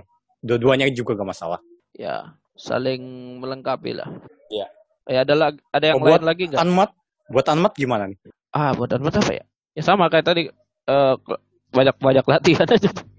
Tapi kayak kalau anmat oh ya itu soal diktat tuh banyak oh. banyak keluar. Ya, ya. mungkin beda dosen beda preferensi kali ya. Ya ya. Ya kalau referensi lain ada nggak selain itu yang dipakai di kuliah kita? Uh, belajarnya cuma itu ya Alvin. Oh ya ya. Ya yang lain mah kalau misalnya dipakai di sesuatu nah baru ada konsep. Oh ada ada ada. Ini berat tapi bagus. Uh, pengarangnya Prasolov Problems and Theorems in Linear Algebra gitulah. Itu makanya lebih detail lagi ada Jordan. Terus nanti multilinear algebra. Cuma itu berat, beratnya tuh karena gak semua teorema buktinya detail. Ada yang mesti kita buktiin sendiri. Soal-soalnya, terus abis itu bener-bener langsung banyak di soal gitu. Kita dituntutnya lebih ke soal, lebih di soal. Itu Victor Prasolov ya? Iya yang sama kayak aku tahu dia polinomial doang. Iya, sama kayak yang itu pengarangnya. Eh kalau ini tahu nggak lo buku ini? Uh, Linear Algebra in Action, Harry Dim. Ah, enggak.